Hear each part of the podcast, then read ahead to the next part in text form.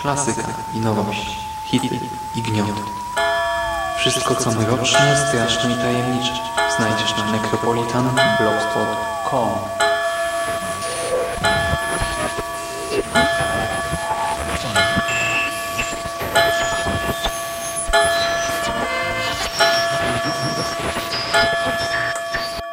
Witam w nawiedzonym podcaście.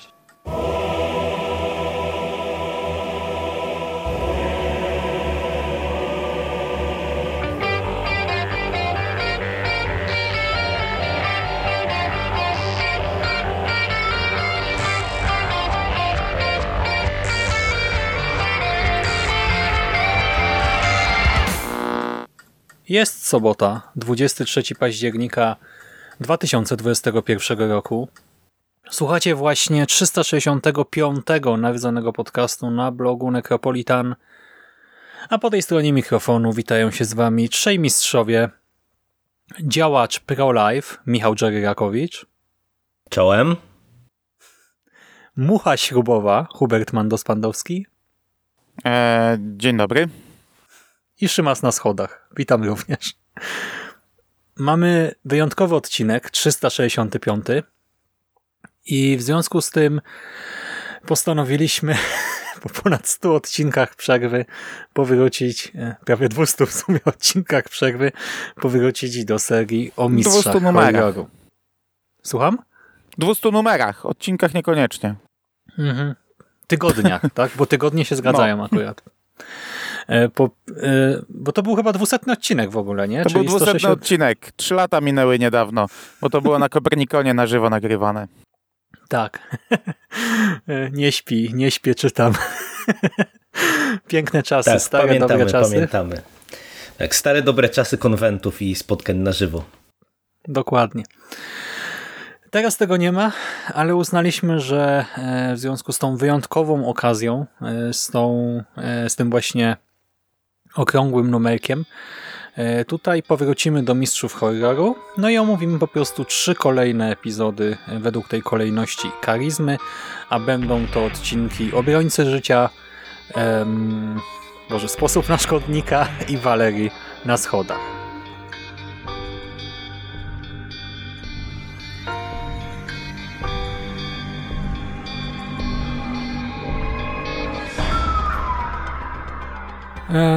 Cóż, zacznijmy od pierwszego. I e, najpierw zawsze rozmawialiśmy o twórcach, a potem czytaliśmy dopiero opis, nie? Więc e, tutaj znowu mamy za kamerą e, Johna Carpentera. Odcinek nazywa się Obrońcy Życia po polsku, Pro-Life w oryginale. Za scenariusz odpowiada Mick Garris, przy czym współtworzył go z Drew McWeeny i Rebecca Swan. A to jest dwójka, która debiutowała scenariuszem 90-minutowej komedii o tytule Pierd. No nie są to jakoś szczególnie uznani twórcy. E, No i o samym Garysie już mówiliśmy, więc w sumie to chyba przejdziemy do opisu. Jeszcze No, o samym możemy... Carpenterze też. Co prawda, no, oczekiwania były duże, bo Carpenter chyba przez wszystkich był uznany w pierwszym sezonie za najlepszy odcinek, nie? Mhm. No zdecydowanie, tak do- zdecydowanie. Do, do, do Na pewno dzisiaj w ten pierwszej odcinek trójce, jest... tak? No pierwszy, drugi, ale tak. No do dzisiaj jest on wspominany. To jest jednak coś, co przetrwało e, no, przez e, już prawie dekady, naście lat, nie? No a tutaj o aktorach też chcesz w tym momencie, bo tu też warto podkreślić, że jednak mamy jedno bardzo duże nazwisko. E, Aktorzy chyba się pojawią w opisie. Haha.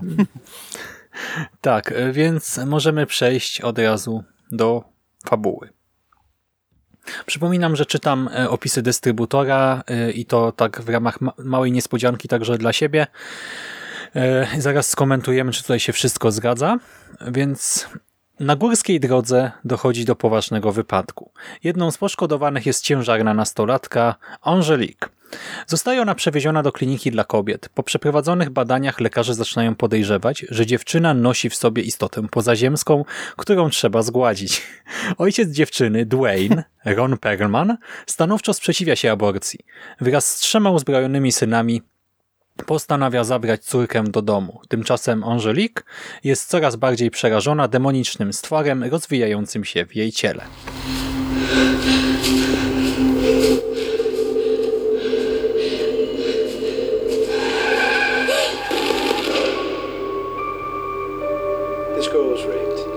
Zgwałcono ją i chwilowo straciła poczytalność.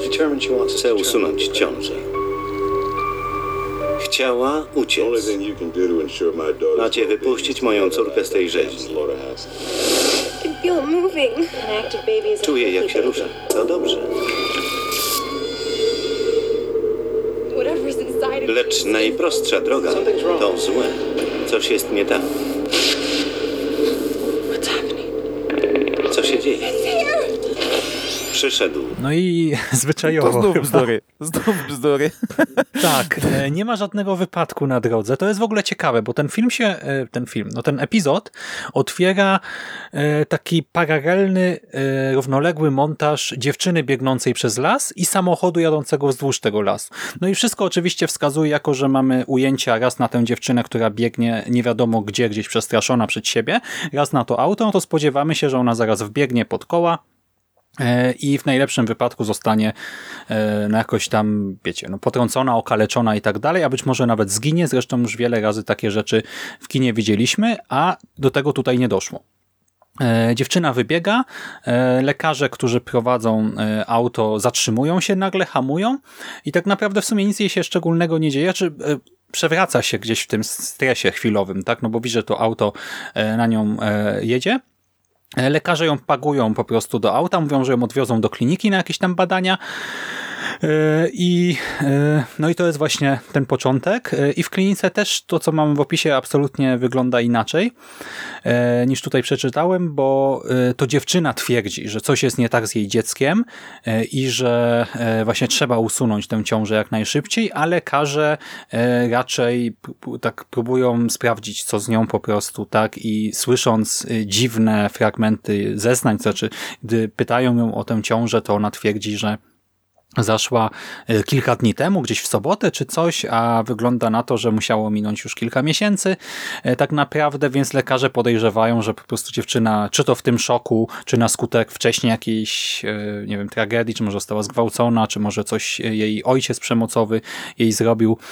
No w każdym razie, że teraz ma jakieś problemy raczej z głową i tej ciąży tak od razu usuwać nie chcą. No to ja się tradycyjnie z tobą nie zgadzam. E, nastawiłeś się na coś i to krytykujesz.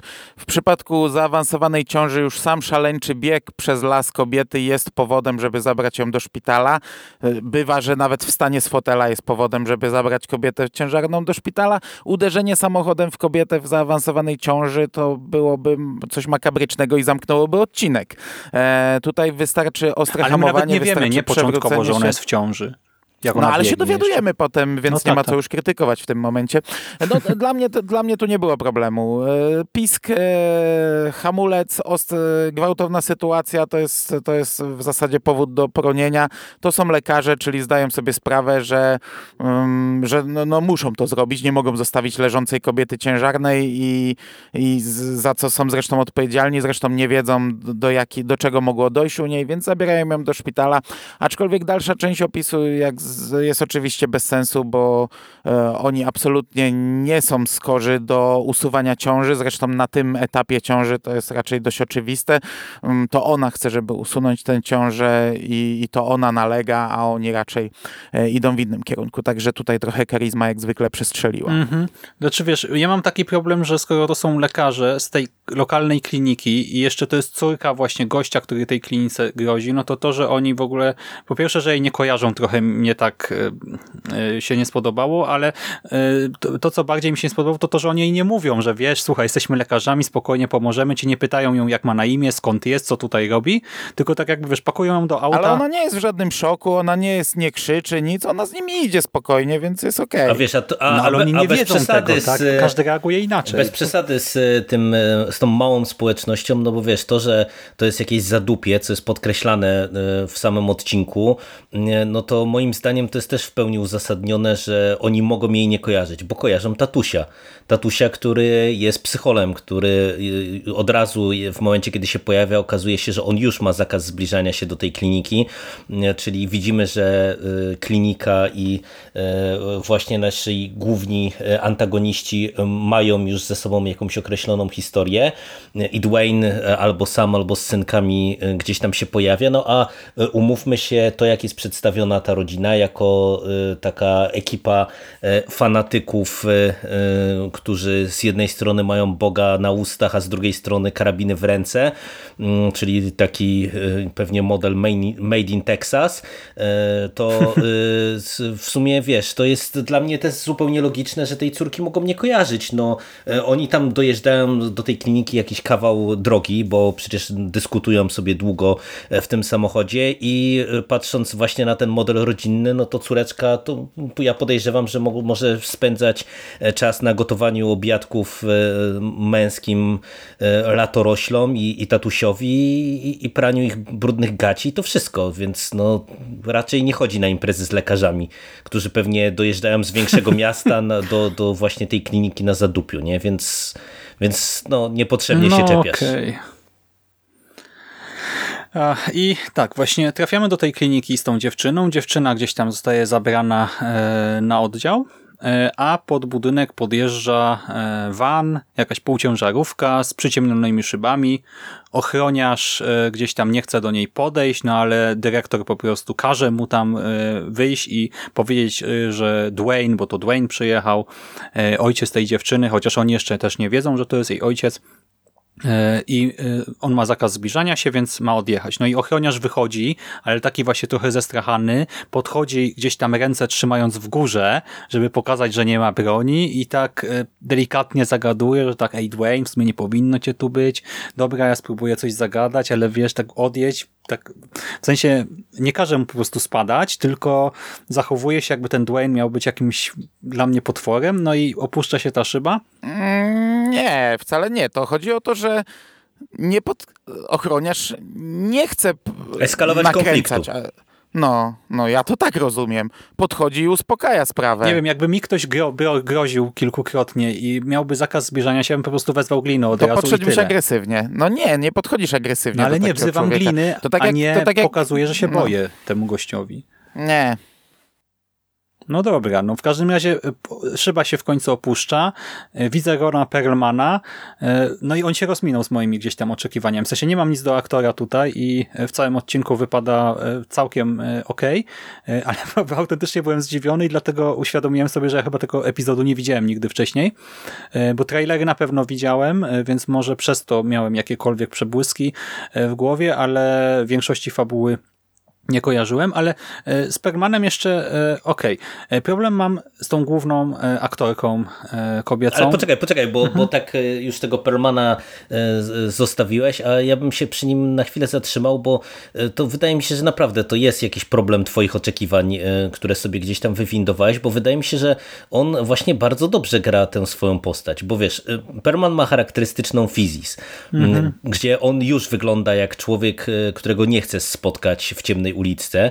E, a tutaj e, e, ta jedna scena przy bramie, gdzie my widzimy właśnie tego dosyć takiego zachowawczo grającego ochroniarza i wiemy, że on już ma historię z kliniką, to moim zdaniem już ustawia go w pozycji niebezpiecznego gościa i wszystko to, co się później dalej dzieje, moim zdaniem właśnie wypada dobrze, bo widać, że on z jednej strony jest spokojny, ale nawet tą, tą swoją rodziną zarządza bardzo twardą ręką i i e, no, widać e, po całym jego działaniu, że e, no, te obawy pracowników kliniki były słuszne. I mhm. wiesz, i mi się to akurat podobało. A tym bardziej, że on... was, że jest aż tak spokojny na początku, potem ale jak właśnie, właśnie oni się tam idealne. wołają nie, właśnie, i tak, ej, przyjechał, ale właśnie to jest to jest idealne moim zdaniem, że on to gra na spokojnie. No wiesz, no umówmy się, że to, że masz y, y, redneków jakichś takich, wiesz, amerykańskich, często przedstawianych jako y, flaga konfederacji, koszulka jeansowa na gołą klatę i długie przetuszczone włosy. I cholerycy I, też często, nie? Że tak, nagle... i, i wy, wypadające zęby i naspidowani albo, albo na mecie, którzy od razu pierwsze co robią to, to strzelają, no to wiesz, to, to nie każdy taki musi musi być. No bez przesady, no widać, że to jest jakiś tam mąż rodziny i nawet jeżeli on nie jest do końca racjonalny może w swoich działaniach, to ten spokój właśnie dla mnie jest fajnym zabiegiem, że nie robią z niego psychola takiego, który od razu wyskakuje z karabinem w ręce, tylko to jest taki człowiek bardzo mocno wierzący y, w swoje racje i w to, co robi, w słuszność mm -hmm. tego, co robi. I to, to jest dla mnie ale bardzo też, dobre. Ale tu też na początku nie było powodu do agresji i to też było dosyć fajne, że obie strony wiedziały, że on wiedział, że no może i musi się wycofać, bo ma zakaz i mogą go w każdej chwili udupić, ale karty były po jego stronie, bo on jako ojciec nieletniej mówi, przetrzymujecie ją tam bezprawnie. I oni też mieli w tym momencie problem, no bo kurde, no powinni wydać tak naprawdę dziecko, ale wyszło to podejrzenie, że możliwe, że on e, jest odpowiedzialny za gwałt. Czyli nie, nie Oni to wyciągnęli. Wydać, tak. No i właśnie. No ale dlatego na początku się wycofał, ale tak naprawdę wycofał się, żeby sprowadzić rodzinę i to siłowo. I dla mnie, mnie się to podobało, tylko że ja, ja wiesz, ja wiedziałem, że tu będzie Perelman. Mhm. Ja akurat ten odcinek najlepiej pamiętałem z tych trzech, więc, więc teraz mi ciężko oceniać, ja, jak reagowałem za pierwszym razem, ale mnie się akurat tutaj Perelman podobał. Okej, okay, znaczy tak jak mówię, tutaj nie mam nic do aktora, ale... tylko że się rozminął. Mhm. Ale dziewczyna. Co do córki się zgadzam chyba, bo podejrzewam, że wiem, co chcesz powiedzieć. Ona ma 15 lat według fabuły, a wygląda jakby była w moim wieku mniej więcej, tak? W sensie ona wygląda jak znaczy, moje koleżanki co, możliwe, w moim że tutaj, wieku. No. Możliwe, że tutaj po prostu nie chcieli dziecka dawać do takiej roli i dali kogoś starszego. No ale no, ale to się, wiesz, to, nie to można było fabularnie jednak dać jej, nie wiem, dwadzieścia kilka lat, nie? To też by było tak samo. Ale wtedy Perlman nie miałby nic do gadania, wtedy ona odpowiada sama za znaczy, siebie. Wiesz to, Szymas, przede wszystkim tak e, bym chciał e, tylko e, zauważyć, że to jest dziewczyna 92 rocznik, a odcinek jest z 2005 roku. To Możemy łatwo policzyć, mamy matematyka na pokładzie. także, także coś no, mi się zdaje, że... Ale nie wygląda na naście lat, czy 20 hmm. lat, tak? No, no ja wiem, nawet jeśli aktorka ma, to jednak powinna wyglądać postać. Ja już się kiedyś z, tym, z kimś o to kłóciłem przy jakimś serialu, pamiętam, że nie każda 15-latka wygląda na 15 lat, ale jednak powinna, nie? Jeśli gra tutaj dziecko, to powinna wyglądać na dziecko, także się trochę zgadzam z Szymasem, ale z drugiej strony rozumiem, że do takiej roli raczej, e, chociaż w sumie skoro ona taka młoda była, to, to jednak zatrudnić. No właśnie, Kurde. to wystarczyło wziąć taką, co wygląda. Ale do tego yy, pierwsza rzecz, no to, że ona już fizycznie mi absolutnie nie gra i to nie tylko, że oczekiwania, tylko po prostu mi nie pasuje. Tak jest niewiarygodna przez to, jak wygląda. To do tego ona jest złą aktorką dla mnie. W sensie yy, ona nie zachowuje się jak nastolatka, ona, yy, nie wiem, jak udaje tam przerażoną czy zaszokowaną, no tam krzyknie ze trzy razy może tak, że to brzmi dobrze, ale poza tym ja totalnie jej nie czułem. Ja na nią patrzyłem i wiecie, zero jakiejś e, empatii, to wręcz dziwiłem się, jak ona czasem o czymś opowiada e, i moim zdaniem z zupełnie nienaturalnymi emocjami. No ja nie miałem tego problemu. Dobra, no i e, to jest epizod e, nadprzyrodzony, no bo rzeczywiście okazuje się, że z tym dzieckiem coś jest nie tak. E, no a Ron Perlman znowu wierzy, że Bóg do niego przemawia, słyszy głosy, które każą mu to dziecko za wszelką cenę ratować, no i to prowadzi do no, otwartego starcia między właśnie rodziną Dwayna, E, powiedziałem Pergman, tak? No ale chodzi o bohatera, tak, Dwayna. E, no wiemy. Mam nadzieję, że aktor nie słyszy takich głosów. E, a e, naszą kliniką, e, która no, w związku z tym, że budżet nie jest jakiś wysoki, e, no jest obstawiona przez tam raptem, nie wiem, trzy osoby plus dyrekcję, plus tam panią na recepcji i kilkoro pacjentów aktualnie. No i nie wiem, jak wam się podobał cały przebieg tego, całego, tego konfliktu? Na razie to, y, to starcie, tak? Bo jeszcze mamy ten wątek nadprzyrodzony, ale do niego może za momencik wrócimy. No jeszcze mamy wątek nadprzyrodzony, jeszcze mamy tą niby e, to niby zaangażowanie, to, to, to będzie najbardziej problematyczne, mhm. ale to do, powiedzmy przejdziemy do tego na koniec. Tak. E, wątek fabularny, czyli ten cały atak e, rodziny Perlmana na klinikę dla mnie e, jest bardzo okej. Okay. Jest bardzo spoko. Jest to fajnie przeprowadzone. Perlman jest, jest świnią, jest, naraża swoich synów. Zresztą ci synowie giną ostatecznie. E, I No, to- A co, masz też jakieś zarzuty? Bo, bo, bo nie wiem. e, Nie, nie, to, to poczekaj, to zanim zarzuty, to, to ja jeszcze też e, się wypowiem, bo e, dla mnie to jest taki epizod, który ja zapamiętałem bardzo dobrze i w sumie w tej chwili jak go odświeżałem, to, to wydaje mi się, że pamiętałem wszystko, co kluczowe, ale oceniałem go zawsze sporo niżej od Cigarette Burns i zawsze mi się No wydawało, tak. że to jest taki średniak, ale teraz y, mam wrażenie, że on mi się podobał bardziej y, niż y, za tym pierwszym podejściem, czy tam za drugim, bo ja go chyba teraz trzeci raz oglądałem w sumie.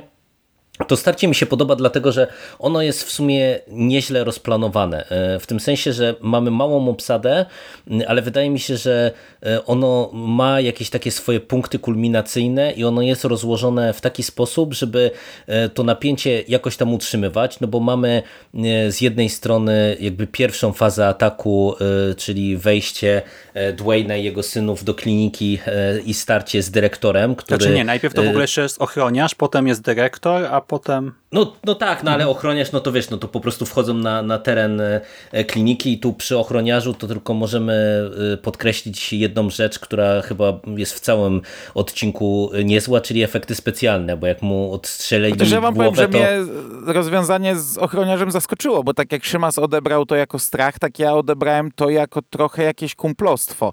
Jako taką obawę ochroniarza, takie wiesz, takie podejście na zasadzie weź stary, tak jakby się znali. I, i ten strzał w ochroniarza mnie trochę zaskoczył. Ja się go nie spodziewałem. E, mamy jeszcze tych dwóch synów, nie? I zanim wejdą do e, tej całej mm, kliniki, no to jest ten pierwszy syn, ten taki bardziej, nie wiem czy racjonalny, ale taki, który nie Trzech chce tego robić, nawet, bo ten drugi dwóch jak jest najba- takich posłusznych i jeden taki, który się Aha, opiera. no. którym... Tam ci jak najbardziej chętnie to robią, a drugi nie. I, I mnie się też podoba finał tego syna, który nie chce, nie? Który ostatecznie robi chyba najwięcej szkód. W, co, co, co jest no, jakimś skutkiem dorastania w tym środowisku i, i tak dalej. Nie? Mamy klientów tej kliniki, co jest może trochę takie łopatą do głowy, no bo to jest taki bardzo zły ojciec, który wyzywa tę swoją córkę i taka matka, która trochę mm, inaczej na to patrzy, ale okej, dla mnie to jest spoko. No mamy scenę właśnie z dyrektorem, która jest, no ja jej w ogóle nie pamiętałem i pomimo tego, że no nic nie widzimy na ekranie, ale scena No jest masakryczna. aborcji, Nie, jest no, masakryczna jest, jest ta mocna scena. dosyć. Je, No jest to- masakryczna ta scena, ale, ale też e, właśnie, był- ja tak zacząłem o tym mówić, że wiecie, że mamy to nieźle podzielone, bo całe to starcie z dyrektorem e, jest niezłe i to jest też nawet uzasadnione fabularne, że on e, jakby próbuje obronić klinikę i kupić czas też tym lekarzom i przez to, że to jest gdzieś tam prowadzone na, na te dwa fronty, czyli właśnie przedsionek kliniki i, i gabinet, gdzie jest nasza para głównych bohaterów. Zresztą też w sumie spoko zagranych, bo to są tak, takie twarze, które na pewno mm, myślę, jeżeli ktoś siądzie teraz do, do tego odcinka, to będzie kojarzył, bo oni w wielu i, i, i ten gość i, i kobieta w wielu serialach i filmach grali, więc to, to myślę, że ich rozpoznacie. E, I to mi się właśnie podobało, że tutaj w sumie się, się dzieje dużo. I ta, tak jak mówisz, Mando, ta rodzinka, ona może jest trochę niepotrzebna y, i, i tak y, to, to łopatologicznie wychodzi na koniec, ale też mi się nawet podoba to, że właśnie, że to jest też taki element, który y, no, mi podbijał napięcie, bo się zastanawiałem, do czego to doprowadzi. Bo ten ojciec się tak y, trochę zachowuje, że y, cały czas ciśnie na to, żeby wiać stamtąd. Nie? I ja byłem bardzo ciekaw, wiecie, do czego to doprowadzi. Jak pamiętam, jak pierwszy raz oglądałem, czy on, oni też wszyscy zginą na przykład, czy, czy tutaj część przeżyje, część nie przeżyje i, i w sumie co to też może fabularnie znaczyć, kto przeżyje, a kto nie. Y, Także no, mi się wydaje, że to jest kompetentnie przeprowadzone. To ja będę się e, z tym absolutnie nie zgadzał, mocno polemizował, bo to sprawia takie wrażenie, ale e, ja już w trakcie seansu e, tak e, myślę sobie, no okej, no chcę odbić tę córkę, tak, być może tam wszystkich szybko wyrżnie i ucieknie, albo po prostu odbije tę córkę e, i tyle. A e, tutaj się okazuje, że e, Dwayne wbija z tymi synami e, na teren kliniki, E, niby im się właśnie spieszy, no bo zaraz tam być może lekarze przeprowadzą tę aborcję czy coś, oni nie wiedzą, co się dzieje na górze, nie mają bladego pojęcia, wiedzą, że ta córka tam już po prostu od jakiegoś czasu jest, e, a oni nagle zaczynają tę swoją prywatną wojnę e, z dyrektorem. Ty mówisz, że dyrektor chce kupić czas, ale jaki czas? Na co czas? Skoro oni są odcięci, nie wezwali żadnej policji, lekarze po prostu siedzą na górze z tą dziewczyną, czas na aborcję. Nie, no ja powiedziałem, że chcę kupić czas i obronić klinikę. No przecież on się ewidentnie zbroi i jest przygotowany na to, żeby odeprzeć atak. Znaczy, no wiesz, to, że, to, że oni go zbroi, zapędzają, okay, ale... to, mhm. że go zapędzają w kozi róg i yy, no kończy się to dla niego tak, jak się kończy, to jest zupełnie inna sprawa. No dobra, okej, okay, no to teraz to rozumiem, bo przez moment myślałem, że sugerujesz, że on ma jakąś strategię, jak w ogóle wszystko, nie, nie. że to nie, jego on gabinet... ma strategię po prostu jeszcze atak. Bo nie chcę ci przerywać, bo nam też nie przerywałeś, więc nie chcę Ale być to robisz. i, i ci dać te... Nie, nie, nie, tylko chcę uzasadnić, bo to może się faktycznie wydawać nienaturalne, że wiesz, że ja na początku powiedziałem, że w miarę racjonalny facet, że jednak się wycofał, e, a potem nagle z bronią i strzela do ludzi jak, jak trochę wariat, ale z drugiej strony ten głos Boga trzeba pamiętać, nie? Ale że nie, słyszy tak, głos myślę, Boga, że... tylko że wiesz, że on tam wbija właśnie, bo mu Bóg każe uratować córkę. A on zamiast ratować córkę, e, to wbija do e, gabinetu dyrektora i zamiast go dobić, e, to zaczyna mu grzebać skalpelem w jądrach, potem wykonuje aspirację i abrazję, w sensie łyżeczkowanie na facecie, co jest anatomicznie tutaj też niemożliwe, bo aspirator nie działa w ten sposób, jak nam ten film pokazuje.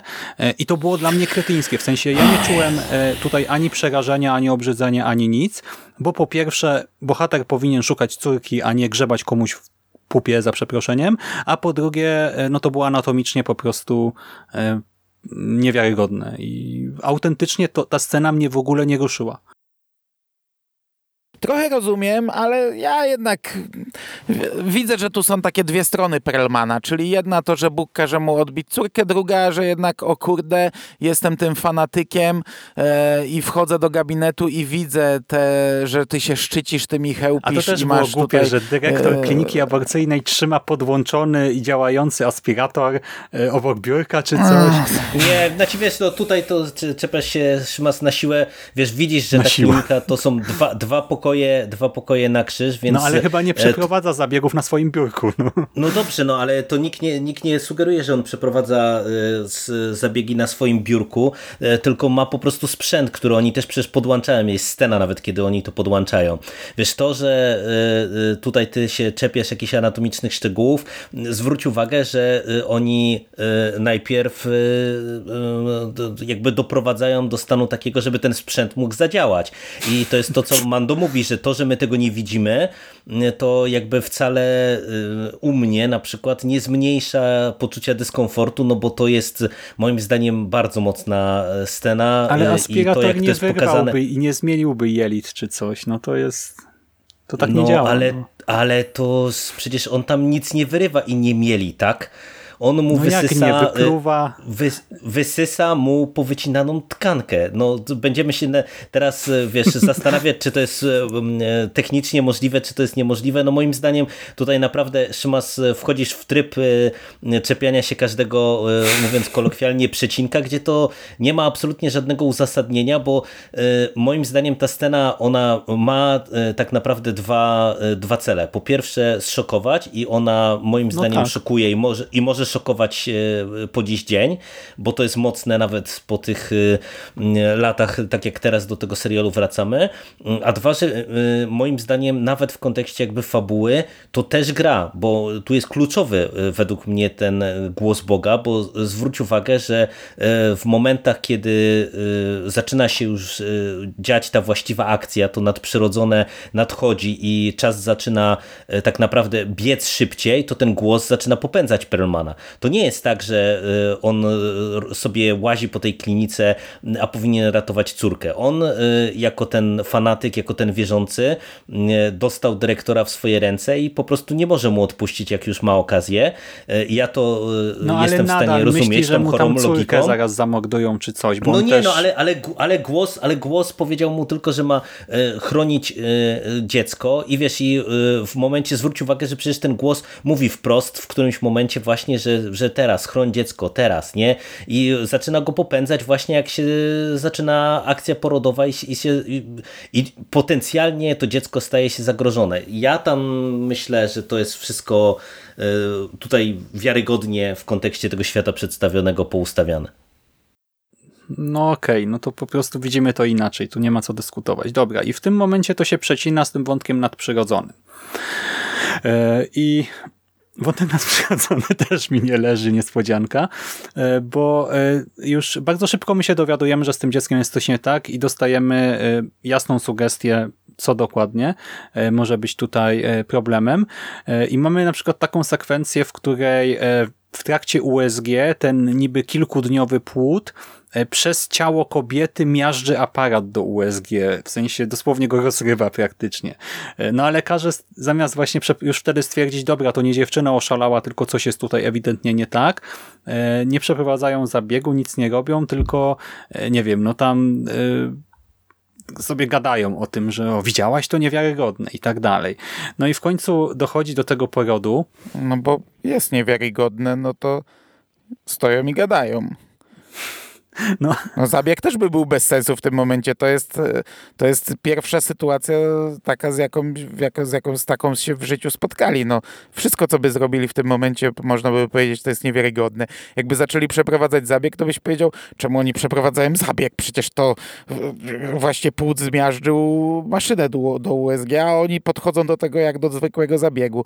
No, Tym, tym, Tak, bardziej, dobra, tym, bardziej, dalej, że, sorry. tym bardziej, że tutaj też mamy ten wątek tej e, ciąży takiej galopującej, gdzie ona Mhm. wchodzi do kliniki, to ledwo co widać, a tak naprawdę e, przy tym USG już e, zaczyna mieć wyeksponowany brzuch, a chwilę później, dosłownie po tej ich gadce, oni widzą, że ten brzuch jej mocno rośnie, żeby jeszcze po chwili już mieć być e, z takim ciążowym brzuchem, ale dziewiąty miesiąc A ciąży, więc... w tym momencie, to w tym momencie w sumie odbiłeś mój pierwszy argument, bo ja mówiłem, że w zaawansowanej ciąży e, wpadła przed ten samochód. Jeśli tam nie było widać brzucha, a ja ten odcinek e, mogę, mo, mogę nie pamiętać. Nie, tej nie, sceny, tam, no tam na pewno nie było mój- widać e, brzucha. To mój argument odbiłeś, to, to trochę więcej racji Szymasa może tutaj być. Wtedy. Nie, nie, nie ma Dobra, racji, jedź nadal dalej. no, walnęli, walnęli samochodem w kobietę, logiczne, że ją zabierają nie do szpitala, walnęli, ale, ale, wyhamowali ale przed nią.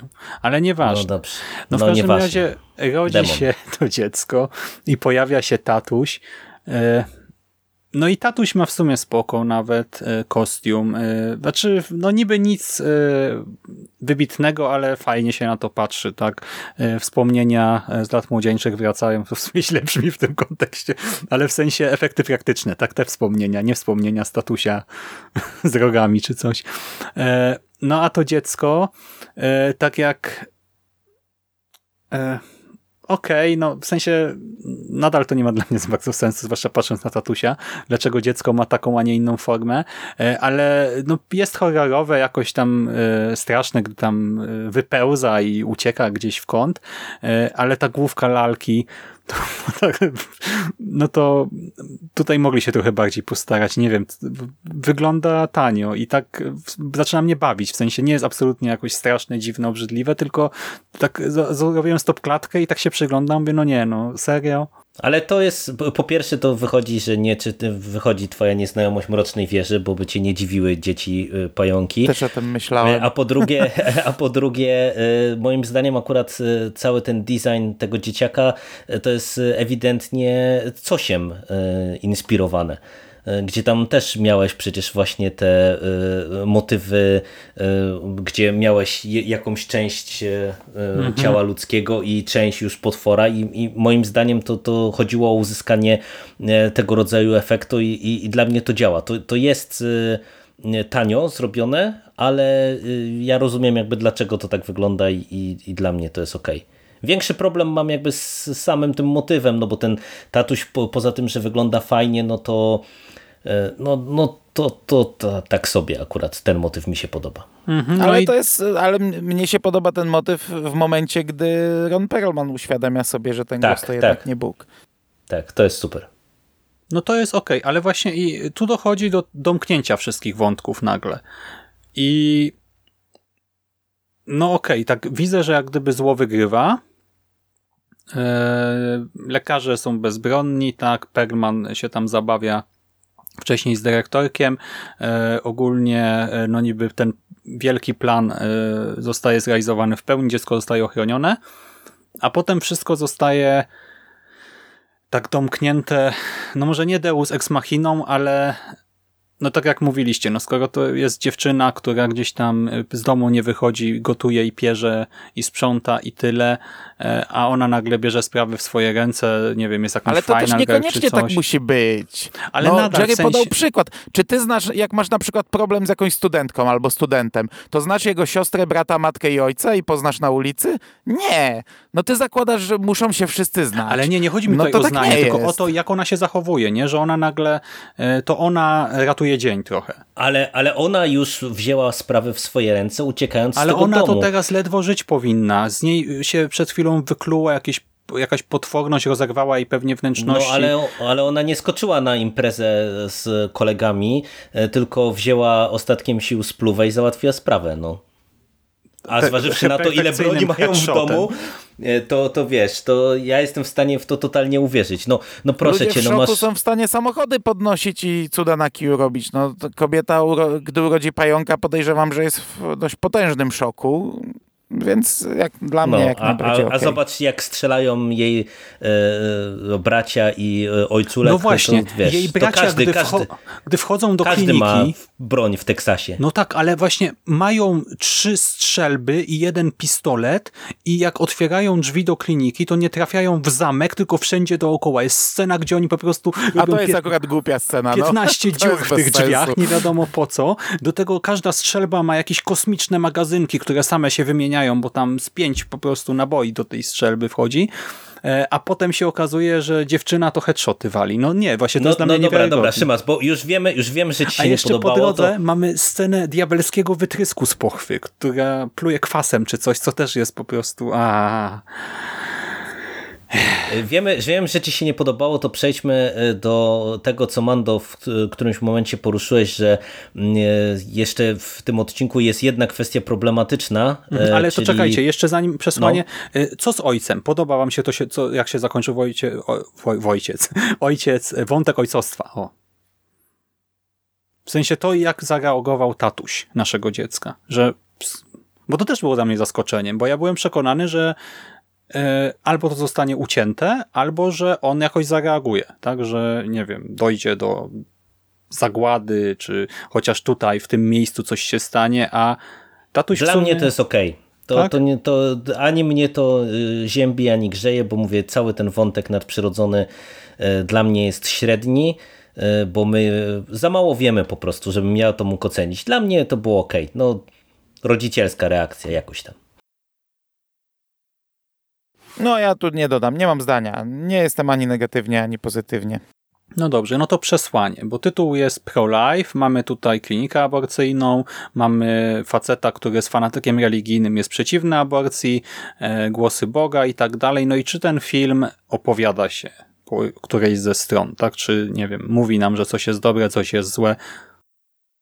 Znaczy nie, ale on nie musi się tak opowiadać. I ja trochę nie rozumiem, dlaczego jest poruszane, Mhm. że to jest niby zaangażowany film, bo, Bo on to się absolutnie pojawia nie w jest recenzjach i w komentarzach, nie? Dlatego o tym mówimy. Ale to jest Mhm. głupie akurat, moim zdaniem. I, I ja za każdym razem, e, mówię, teraz trzeci raz oglądałem ten odcinek i za każdym razem mam to samo poczucie, że ten, to domniemane zaangażowanie tego odcinka e, jest czymś, co raczej chcą widzieć e, recenzenci, niż co wynika z tego odcinka. Bo nawet jeżeli byśmy chcieli się doszukiwać jakiegoś właśnie domniemanego zaangażowania, to moim zdaniem to jest karkołomne i niepotrzebne, dlatego że ten odcinek dowala jednej i drugiej stronie. Bo i o- ojczulek, i, i jego synalkowie to, to są po prostu jacyś fanatycy i, i psychopaci. I o ile na przykład lekarzy e, można w sumie jakoś tam bronić, o tyle ten dyrektor to też tak się wydaje taki oślizgły typ i, i, i tam niespecjalnie e, z, pałamy do niego sympatią. E, Plus tam jeszcze jest ta, ta rodzinka też, która też jest taka dyskusyjnie prowadzona, gdzie właśnie to, co Mando ty powiedziałeś, jest to tak grubą krechą pociągnięte, e, więc wydaje mi się, że po prostu e, tego zaangażowania tu najzwyczajniej w świecie nie ma. No, Ja, nawet, ja lekarze- nawet przez sekundę nie Mhm. odczułem, żeby tu poruszali ten temat. No. To, że coś się rozgrywa w klinice Tak, aborcyjnej dokładnie. i Mhm. że ten temat jest poruszany, to nie znaczy, że to jest zaangażowane i że twórcy chcą nam coś przekazać, bo tu nigdzie nie chcą przekazać. Czy ten odcinek gdzieś mówi nam coś o tym, że aborcja jest zła albo dobra? O tym mówi bohater, który jest negatywną postacią i jest e, wariatem, ale to, nadal nie stawia na, w przeciwieństwie, bo, bo też nie mówi, że jest dobra. Poza tym cały odcinek dotyczy dziecka szatana, które No zresztą nie dochodzi tam do aborcji i nikt nie chce tej aborcji zrobić i to dziecko się rodzi normalnie, więc ten odcinek w ogóle nigdzie w żadnym momencie nie, nie porusza tej kwestii. Mhm. Znaczy nie opowiada No. się po żadnej ze stron, tak? To jest po prostu element historii i tyle. No ale nawet, nawet nie tyle nie opowiada się po żadnej ze stron, co nie zadaje nam tych pytań, żebyśmy my sami postanowili opowiedzieć się po żadnej ze stron. On nie porusza tego problemu na tej zasadzie, żebyśmy my e, może o, po której stronie się Mhm. opowiedzieli. Znaczy mi się wydaje, że to też jest na przykład kasus tego, e, czy to może być trochę kasus tego, kto go robił, że jednak e, to, to robił, ten odcinek robił Carpenter i mi się wydaje, że on chyba jest takim bardziej twórcą właśnie rozrywkowym, e, czy, czy gatunkowym e, mimo wszystko, bo e, mam takie poczucie, że pewnie jakby go robił Joe Dante, no przejdziemy zaraz do, do jego odcinka, no to, to, to tego zaangażowania by mogło być więcej, no bo mieliśmy też tak w pierwszym sezonie, nie, że Joe Dante też miał przecież ten odcinek Homecoming, on chyba Tak, robił, tak. jeżeli dobrze pamiętam, gdzie też pomimo tego, że to był odcinek o zombie, no to tam tego zaangażowania było dużo, tutaj będziemy mieli zaraz jego odcinek i znowu to zaangażowanie będzie wychodziło, E, więc wydaje mi się, że, że to jest tak, że ten odcinek, on mógłby pewnie nawet e, przy jakichś niewielkich zmianach być odcinkiem jakoś tam zaangażowanym, ale e, nie, ale nie jest. No, no nie tak jak został nakręcony, nie tak jak został zrealizowany. I zanim przejdziemy do, do e, już takiego ostatecznego podsumowania, to ja jeszcze jedną rzecz bym chciał wyróżnić, bo w tym odcinku Cody Carpenter zrobił muzykę, czyli syn Tak. e, Johna Carpentera i e, o ile na samym początku ta muzyka mi się nie podobała, w tej pierwszej sekwencji, jak oni jadą przez ten las i tak dalej, ona jest taka zagłośna, zakrzykliwa i, i, i, i nie działa mi, to później w całym tym odcinku bardzo mi się to podobało, bo on ma ten, ten bardzo podobny do e, Johna Carpentera styl e, te- tej, tej muzyki elektronicznej, e, którą właśnie Carpenter zasłynął od swoich pierwszych soundtracków i moim zdaniem tutaj to fajnie gra, bo ten soundtrack też właśnie dobrze potrafi zbudować napięcie. Mhm, to jak mówimy jeszcze o twórcach, to za efekty odpowiada Greg Nicotero.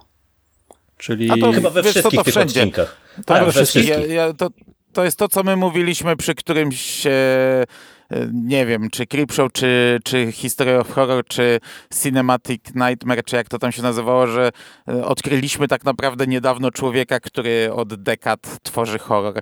Tylko, że tu jest podany jako Gregory Nicotero, nie? I jak ja Mhm. go teraz widziałem w czołówce, to, to tak mówię, wow, nie? Normalnie bym to podkreślał, a jeszcze kilka lat temu nawet nie zdawałem sprawy, co to za człowiek, nie? Okej, czyli to nie tylko ja jestem trochę opóźniony, okej. Dobra. Nie no, przecież to, to wyszło, że on, on, on od dekad z- przy, przy, w zasadzie przy wszystkim Roberto współpracował i stworzył masę rzeczy, masę. Misery robił, efekty Znaczy, Misery. ogólnie przy wielu tak, ale nie wiedziałem, że przy wszystkich odcinkach mistrzów, dlatego...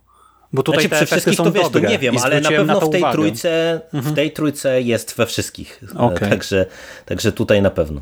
Dobra. E, No to ja od siebie już nic nie dodam. E, Czyli przechodzimy No dobrze, do... tu się nie zgadzamy, zobaczymy jak dalej. Przechodzimy do sposobu na szkodnika, The Screwfly Solution. E, Reżyserem jest, jak już Jerry wspomniał, Joe Dante. Autor Homecoming z pierwszego sezonu, Skowytu, Gremlinów. Ostatnio Nightmare Cinema, też tam jego epizod się pojawił. E, No ale więcej o nim nic mówić nie będziemy, bo to byśmy się powtarzali względem tego, co nagraliśmy tam 5 lat temu. Zaś scenariusz napisali e, Garis e, w duecie z Samem Hamem? Zmieniłem, Sam Ham.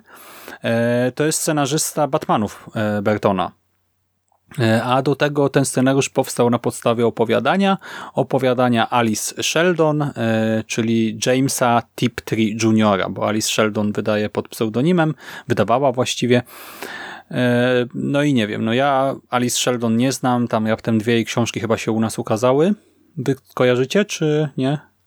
Nie. Mm, Absolutnie nie. No to przejdźmy do opisu. Już się boję, co tam zaraz przeczytam. Dobra. W Ameryce rozprzestrzenia się tajemniczy wirus. Zmienia on mężczyzn w psychopatycznych morderców, którzy atakują każdą napotkaną na swojej drodze kobietę. W tym czasie, po długiej nieobecności, wraca do kraju naukowiec, Alan. Jego żonie i córce grozi śmiertelne niebezpieczeństwo. Alan wraz z przyjacielem Berneyem próbuje znaleźć sposób, by uchronić obie kobiety przed szalejącymi rządnymi krwi mężczyznami. Czy uda im się obronić samych siebie przed niewytłumaczalnym szaleństwem swojej płci? W ogrodzie mężczyzna żył niewinnie. Potem przybyła kusicielka i zniszczyła boski plan.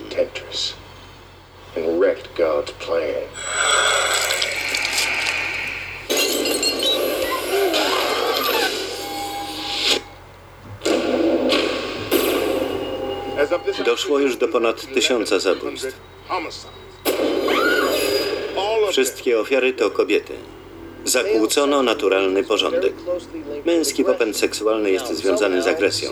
Ktoś znalazł sposób na usunięcie różnic między nimi. Roznosi się tajemnicza epidemia. To próba zniszczenia rasy ludzkiej. Terroryści? Kobiety muszą się ewakuować. Proszę zająć miejsca i spokojnie siedzieć. Mężczyźni czują żądzę. Zabijanie.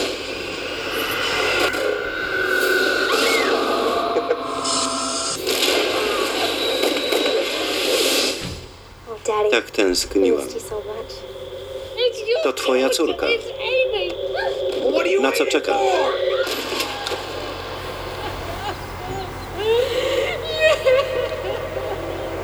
Sposób na szkodnika.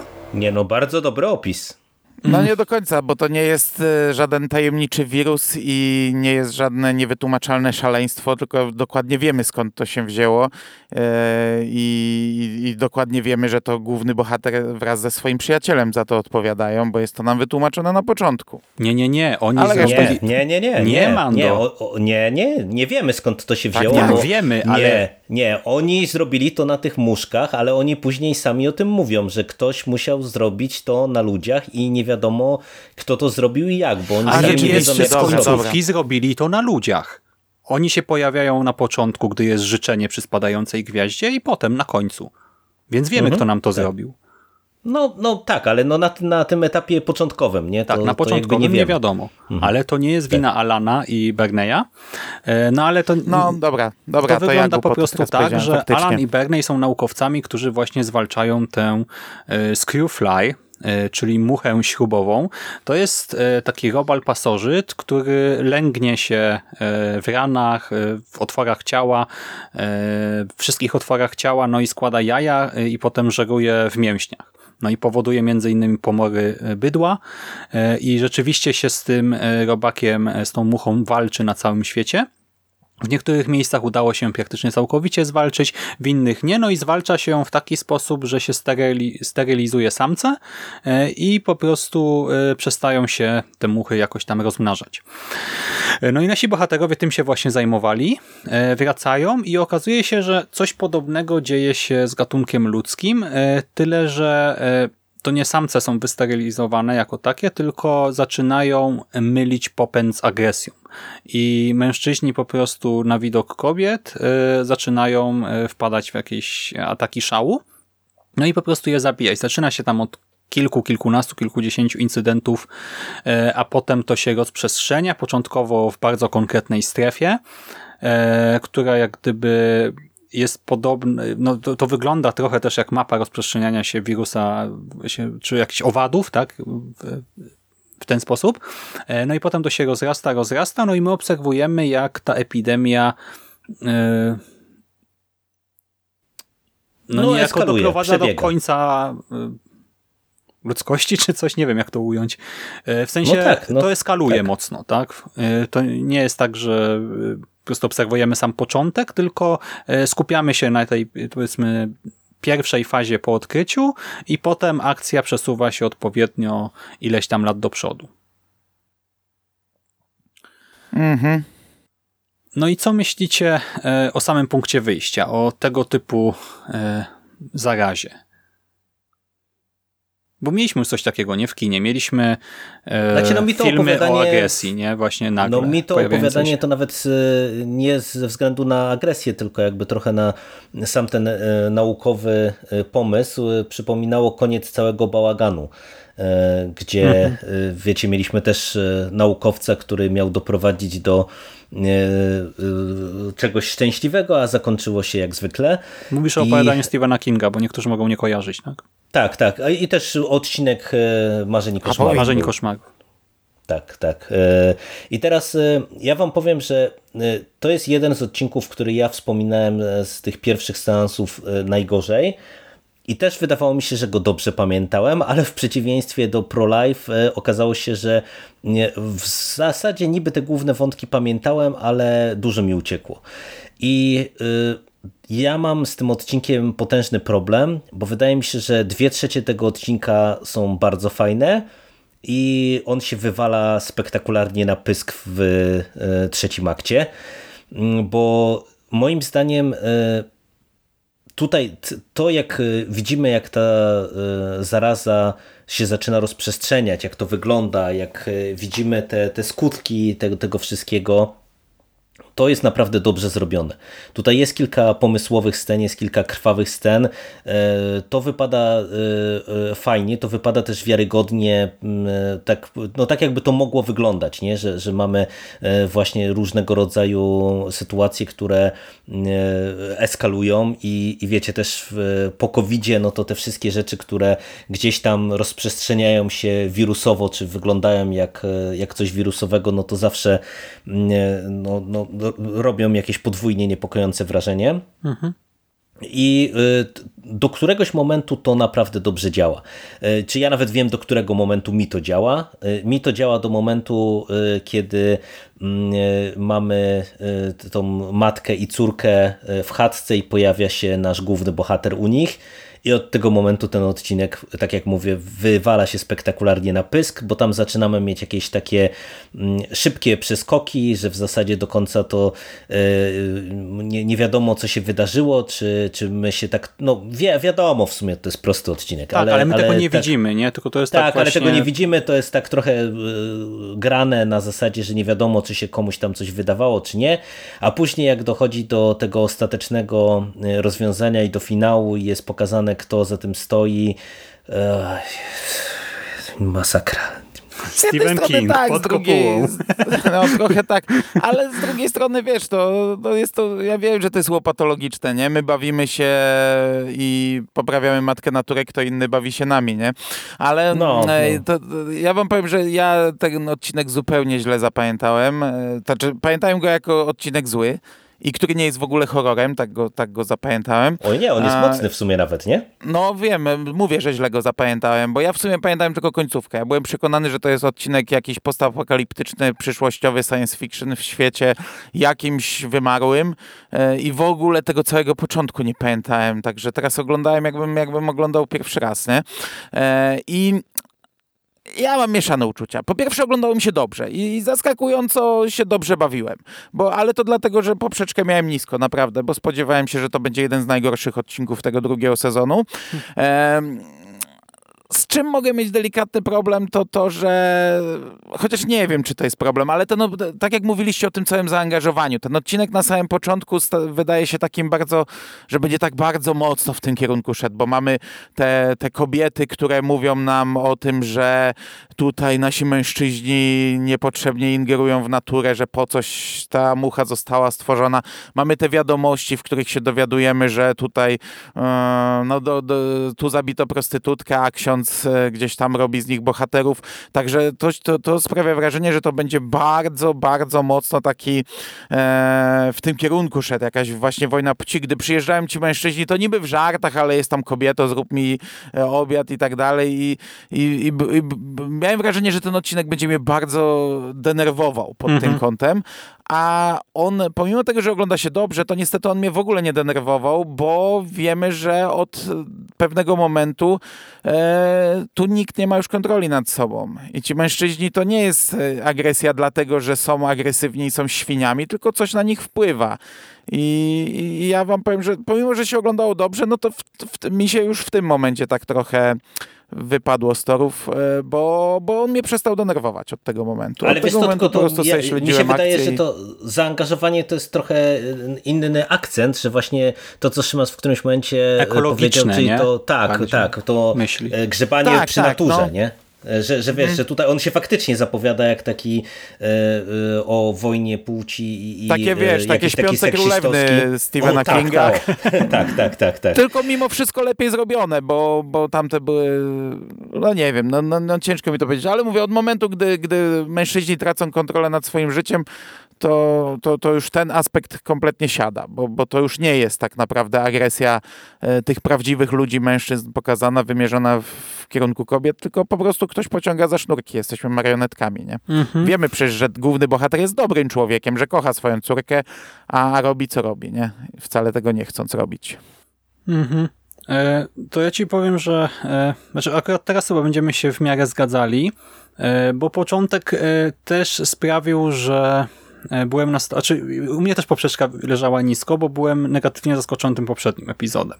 E, Ale początek mimo wszystko mnie zaskoczył też negatywnie, bo zaczyna się e, tym wyjaśnieniem właśnie związanym z muchami, takim ala fragmentem jakiegoś filmu dokumentalnego czy czegoś, no trochę takiego ala naukowego bełkotu, nie? Tak to się może kojarzyć.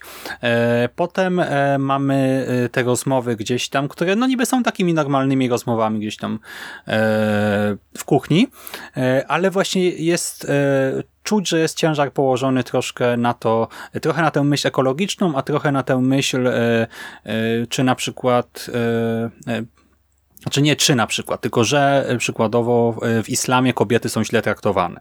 Nie? Czy że powstają sekty jakichś prawicowców, którzy wychwalają patriarchat pod niebiosa i właśnie wyobrażają sobie jakiś świat z kobietami niewolnicami, czy coś takiego. Pojawiają się tego typu ideę i też się obawiałem, co z tego wyjdzie. A potem e, epizod zaskoczył mnie pozytywnie, e, bo e, po pierwsze e, właśnie to wszystko zaczęło eskalować. Po drugie, jest sporo różnych wątków. Ten epizod też ma stosunkowo duży budżet na tle e, tych wszystkich pozostałych. Mamy dużo lokacji e, i to zróżnicowanych lokacji. Przemieszczamy się, tu jakieś więzienie, tu nocny klub, tu jeden dom, tu inny dom, tu jakaś baza wojskowa, e, tu jakiś most kontrolowany przez wojsko. To wszystko wygląda tak całkiem dobrze, nie? W sensie nie czuć tutaj taniości, widać wielu statystów, mamy wiele scen, gdzie jest bardzo dużo osób w roli statystów e, i pod tym kątem to też było bardzo pozytywne wrażenie E, i e, te sceny e, morderstw są e, rzeczywiście mocne.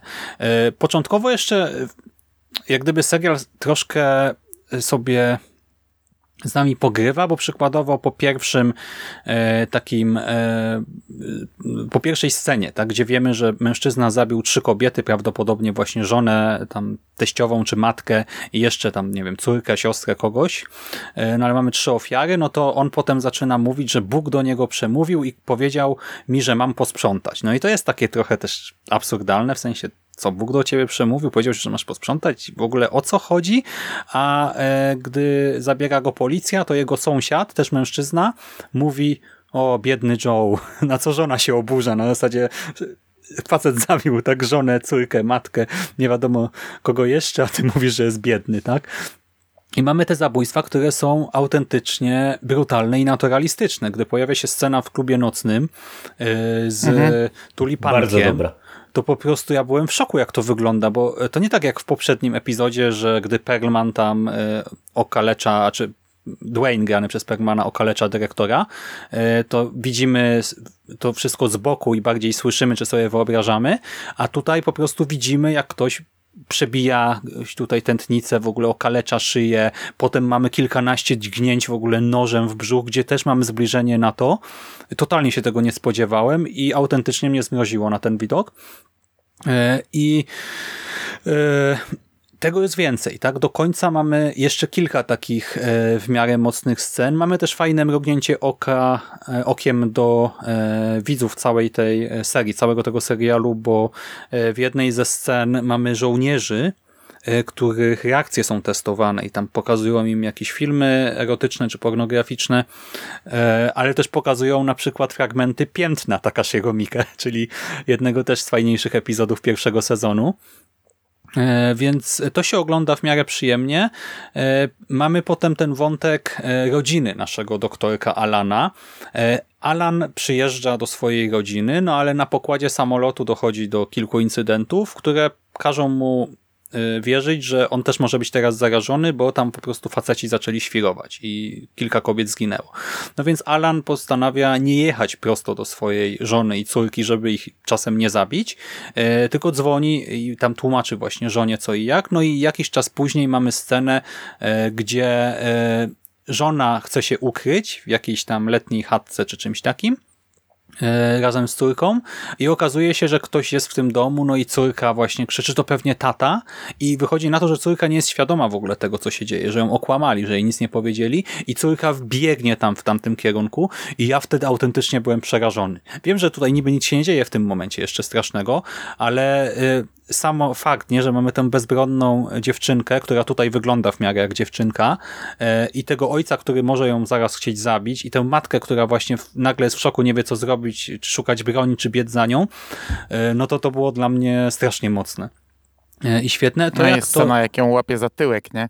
Tak, i potem właśnie Ojciec scena, gdy ten ojciec no nie zachowuje się jak ojciec i to jest też przerażające, ale tutaj już scenariusz zaczyna się sypać, bo córka nie reaguje adekwatnie do sytuacji, nie reaguje na zasadzie what the fuck, tato, yy, tylko yy, w ogóle nie reaguje, a potem jest zdziwiona, że matka strzela ojcu w kolano, gdy ten próbuje się do niej zbliżyć. Yy, więc... A, zapad... Znaczy wiesz co mnie to wkurzało, bo, bo, bo my wiemy jako widzowie, że, że no kurde, że ona nie powinna taka być, ale to jest zaślepione dziecko, zapatrzone. Ja, ale ona wie, ja, ona widziała na ulicy, że facet wjechał w trzy kobiety autem, no tak to bez co? powodu. ale nie? to jest tata, to jest tata. E, mnie to wkurzyło, wiesz, jak ona tam mówi, że, bo ona w pewnym momencie gdzieś tam mówiła, żeby traktowała ją jak dorosła, a matka idzie sikła, a ona odpala samochód i wraca do ojca. Mhm. Mówię, o Jezu, nie, jakie to wkurzające, ale, ale ja, dla mnie to było właśnie naturalne. Mm, No córka jest zapatrzona, zaślepiona w tatę. No wielokrotnie. Znaczy, ja, ja wam powiem, że z e, tym wątkiem rodzinnym e, ja mam taki problem, że e, tutaj w głównej roli tej męskiej mamy Jasona Priestleya, Priestleya czyli Brandona. e, Czyli bardzo Beverly dobrze, Hills. chwalimy, chwalimy. Każdy występ aktorów z Beverly Hills 90-210 przyjmujemy z radością. E, Znaczy, wiesz to, ja mam ten problem, że on w tym e, e, pierwszym segmencie, Aktorów czy na z czego? Tak, zapomnieliśmy, że on na chińskich bajkach jest wychowany, a nie na Beverly Hills 90-210. Ale miałem zeszyt y, y, z okładką y, do polskiego w gimnazjum z Beverly Hills. Nie wiedziałem o czym to jest, ale miałem zeszyt. z ok- Myślałeś, że to jakiś boys band pewnie. Szczerze? Zgadłem. Widzisz. Nie, nie, akurat ten początek on mi się podobał, tym bardziej, że on gra tu jako w tym tandemie męskim y, z też fajnym aktorem, bo z Eliotem Goldem. Y, i y, Gold mi się podobał do samego końca. On jest fajny, ja go lubię w ogóle w różnych rolach, E, natomiast Jason Priestley w którymś momencie też mi się ta rola zaczęła jego rozjeżdżać trochę. I właśnie te, też niestety ja, ja już te, te, o- od tej sekwencji powrotu, jak, jak tam e, mamy jeszcze w samolocie nawet e, te, te jego wyobrażenia powrotu do domu i co on sobie tam wyobraża, co się dzieje i później ta końcówka, to mi nie pasowało. Jakoś tak mnie gryzła ta jego gra aktorska, że e, że no mówię, tutaj trochę mi No tak e, jest, ten odcinek co, pod tak tym jest, ja się z tą sypał się. zgadzam. Bo on jest mocno Mhm, wyidealizowany tutaj, nie? On ma być tym idealnym Tak jest, mężem, no. ojcem. Ale to nie są dobrzy aktorzy, no umówmy się, to ja, ja mam sentyment do nich. Ja naprawdę zawsze tam jakoś tam gdzieś, wiesz, daję punkt w górę, jak widzę, że udało im się gdzieś zagrać, gdzieś w czymś, co nie jest naprawdę skończoną kupą, bo niestety oni wszyscy przecież tam, ich kariery potoczyły się tragicznie w zasadzie. Ale to nie są dobrzy aktorzy, no. Także ja, ja się zgadzam, że on tutaj nie błyszczy. Hmm.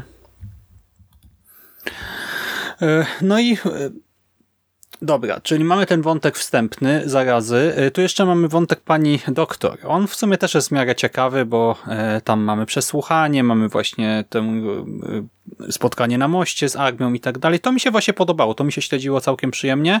To, że ten wątek potem zostaje tak troszkę ucięty nagle, E, Niby to pasuje tak do całej historii, ale e, nie podobało mi się to, bo straciłem postać, której jakąś tam kibicowałem.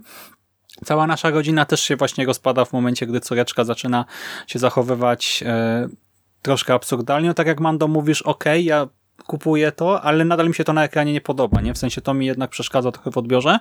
E, no i potem śledzimy losy e, naszej e, żony pana naukowca Alana, E, I tam nadal są takie trochę przerażające momenty, jak na przykład e, widzimy w jednej ze scen torebkę ze skóry z kobiecej piersi, co jest taką niby teraz normą, tak? W sensie, że kobiety stały się jak gdyby zwierzętami i można je skurować i sobie z nich robić e, przedmioty co innego użytku, no to to jest porąbane ostro. E, I jakoś tam no, czułem się nieswojo do samego No końca. te rozmowy też tam masz na przykład starych facetów i, i ich syna, nie? Który jest Tak. jeszcze dzieciakiem, syna któregoś z nich i oni rozmawiają normalnie jak tam o polowaniach, nie? Jak tam Mhm. z tatą y, wyjechałem do lasu polować, nie? Czy coś. To takie, takie, to też jest takie... y, Mhm. Tylko, że z drugiej strony, no ja cały czas mam świadomość, że to nie oni, tylko ktoś nimi steruje, więc to cały czas to, o czym mówiłem na początku. Ale że to wiesz, niby no jest to- mocne, ale... Ale Żołnierze jest... SS e, też wykonywali rozkazy, ale nadal wiesz. A tutaj ja No, rozumiem, ale że to jest nie, ale, bardziej tutaj, takie. ale to jest biologia, nie? Tutaj to, to No wiesz, tak, to ale jest my nie wiemy cały czas do końca, innego, jak nie? to działa, nie? W sensie. e, czy to przejmuje kontrolę, to, to trochę jak zombie, nie? Że czy to już jest rzeczywiście e, zupełnie inna osoba, czy to tego nie da się zawrócić? My nie wiemy, czy to można cofnąć na tym etapie też, nie? Na przykład, więc e, ja Znaczy, jeszcze... no już po tych tam, w tym ostatnim akcie to już myślę, że wiadomo, że nie można, bo, bo naukowcy zawiedli, no bo tam na początku, no to jeszcze oni cały czas Mhm. tam niby biorą jakieś lekarstwa, które to mają hamować, e, jest mowa o tej chemicznej kastracji, która ma niby temu mm, zapobiegać i tak dalej, i tak dalej, no i tam na przykład ten bohater e, właśnie grany przez Golda, no to e, on chyba się poddał tej chemicznej kastracji, no i widzimy, że on jest normalny, nie? więc myślę, że tutaj Mhm. jednak trzeba założyć, po prostu to już w całości przejmuje kontrolę i, i tu mamy do czynienia z inną No tak, postacią. ale właśnie, Jerry, zobacz, bo ja, ja założyłem, że skoro to może być coś wywołanego przez kogoś celowo, no to wtedy wiesz, jak to zawsze jest. Zawsze ma się antidotum czy coś, nie? Więc y, nadal ja mimo wszystko zakładałem, że nawet jeżeli sytuacja jest fatalna, to być może to będzie jakoś y, cofnięte w, jakiś sposób, albo No to jako, to jak oceniasz, przez kogo to zostało e, zrobione? No bo mówisz, że przez Mhm. kogoś, no ale dowiadujemy się przez kogo, przez kogo. E, Znaczy samo to, e, kto jest winnym za to wszystko, okej, w sensie właśnie ani mnie to ziębi, ani mnie to parzy, ale e, jeszcze ta scena, jak e, te, e, te istoty zostały ukazane, ten design, design nawet też jest w porządku, ale cała ta budowa tej sceny nie, ona była trochę absurdalna, w sensie mi się to nie kleiło, tak, bo no, jeszcze potem ten aparacik jakiś, nie, który tam w głowę wpychają, to wszystko no nie podobało mi się jakoś szczególnie. I to nie jest tak, że mi to popsuło epizod, nie? To nie jest tak, że ta końcówka mi to wszystko wywróciła do góry nogami, ale no nie, to, nie tego się spodziewałem i to mnie nie usatysfakcjonowało. Amando, jak ty oceniasz? Ja chyba tak samo. Mm, Tak ciężko, ciężko mi tak, bo z jednej strony no, to nabrało Z jednej strony no lubię sensu. Stephena Kinga. akurat, akurat, e, akurat ten, ten fragment pod kopułą to by- był zły, chociaż w tej chwili mamy trochę inne wyobrażenie, inny obraz pod kopułą i nie wiem, czy on był tak zły, czy, bo, bo jednak były, by, była gorsza wizja pod kopułą już niż Stephen King stworzył. Natomiast no, ja do tej pory, do, do tego momentu to chyba zakładałem, że to, to, co na muchy zadziałało, to jakoś podziałało na ludzi. I nie wiem, nie umiem powiedzieć. No nie pasuje mi to na pewno do tego serialu kompletnie. Nadal, pomimo tego, że tu są mocne sceny, to ten odcinek nie pasuje mi do Mistrzów Horroru. I nie wiem, jak to ocenić, no bo ja rozumiem, o co tu chodziło. No my bawimy się przyrodą, przyroda bawi się nami. E, na, e, zawsze znajdzie się większa ryba i, i nam się wydaje, że jesteśmy naczelnymi, ale jesteśmy tak naprawdę gdzieś tam muchą dla innych. Ale, To bardziej no, mgła no niż to- pod kopułą teraz. no to jest takie, takie trochę proste, nie? I takie... Nie wiem, nie, nie podobało mi się to. Nie, nie. Tyle. Ja ci mówię, mi, mi się ta końcówka nie podobała, e, dlatego że wydaje mi się, że ona była e, y, no za bardzo łopatologiczna. Myślę, że ten kierunek, o którym ty, Mando, powiedziałeś, że tak ci się wydawało, że po prostu to, co na muchach, to przeszło na ludzi ja- w jakiś tam sposób. Myślę, że to można było zostawić w ten sposób i by To to, miało lepsze, więcej jeszcze sensu. wtedy mogli na Tak. przykład dodać ludzi, którzy wykorzystują sytuację i jeszcze na nich to nie zadziałało, a oni już e, robią swoje, to też by było, jakoś tam by dodało coś fajnego, mocnego, nie? Także, Tak, także tak, tak. widzieli... Nie, no, no. Mo, można się było zupełnie inaczej tym pobawić bez tego wątku e, rodem z science fiction, e, ale, takiego ja bardziej powiem, fiction. że ja ten wątek bym kupił, ale więcej subtelności bym e, absolutnie poprosił. Czyli na przykład jak mamy tę ramę fabularną ze spadającymi gwiazdami, nie, które nie do końca są gwiazdami tak naprawdę, no to moim zdaniem gdyby to zaakcentowano i nawet właśnie dla tych mniej kumatych widzów, gdyby wtedy był mały przebłysk, nie na tę scenę z początku, gdzie też spada gwiazda niby, e, no to gdyby tylko to dali, to by było dla mnie jeszcze w porządku, nie, bo byłoby mniej w twarz rzucone to wszystko i Ale więcej był chyba domyśl- przebłysk i tak, bo, bo chyba tak, jest ale później druga tym, scena, jeśli dobrze ogóle pamiętam. dali no, e, no, no, no, mega wiem, wiem. wprost wszystko, tak? No i ten Wiem, przebłysk wiem. wtedy jest niepotrzebny. To nie jest fajna rama wtedy, tylko to jest powiedzieliśmy ci już trzy razy, co się wydarzyło. Patrz po raz czwarty. No, No nie no, Joe Dante jest bardzo zaangażowany e, społeczno-politycznie, ale, ale chyba właśnie e, czasem za, za mocno mu się to przekłada na e, bezpośredniość w tym, co, co robi. No wiadomo, on tutaj nie pisał scenariusza, ale, ale no, no takie miałem poczucie właśnie, że to tak jest... strach teraz wrócić do gremlinów, bo może coś cię tam... nie no, żartuję.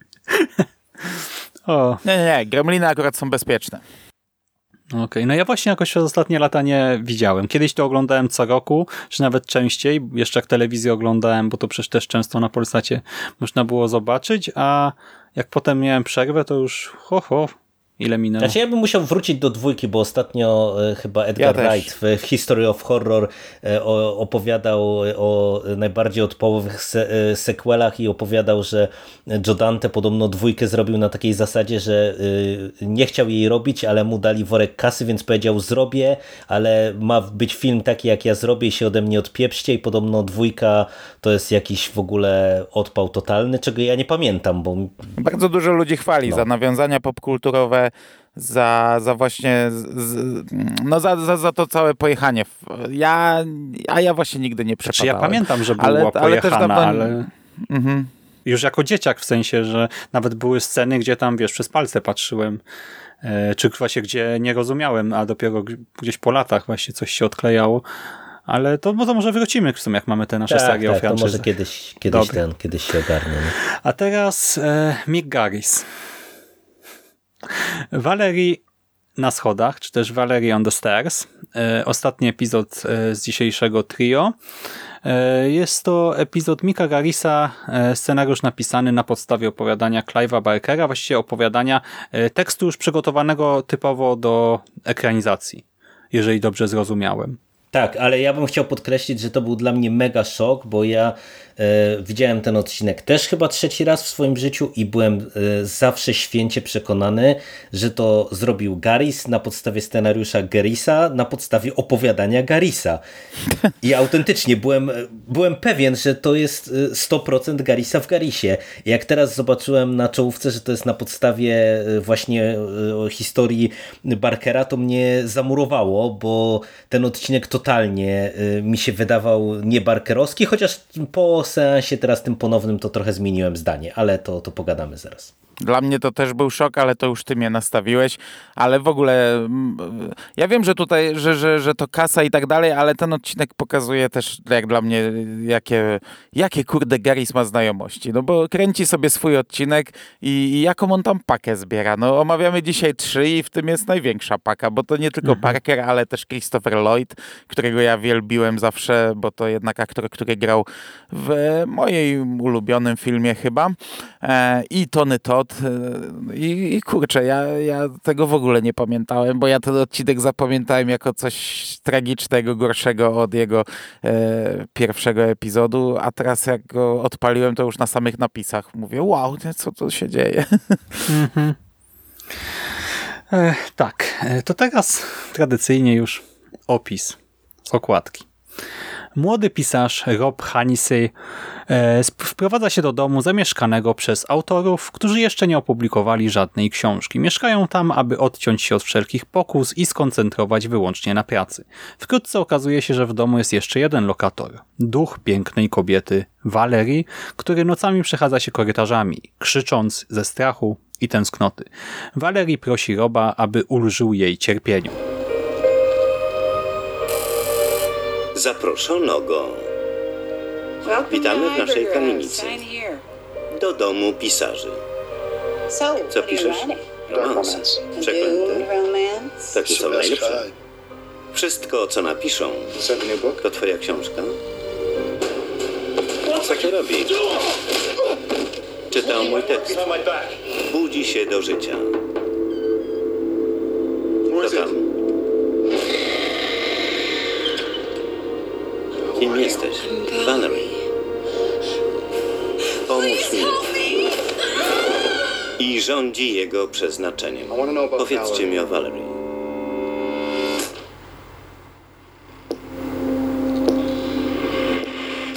Ona należy do bestii. Dlaczego? Bo tak napisaliśmy. Chyba, że stworzy inne zakończenie. Dokończę tę książkę. Oczywiście.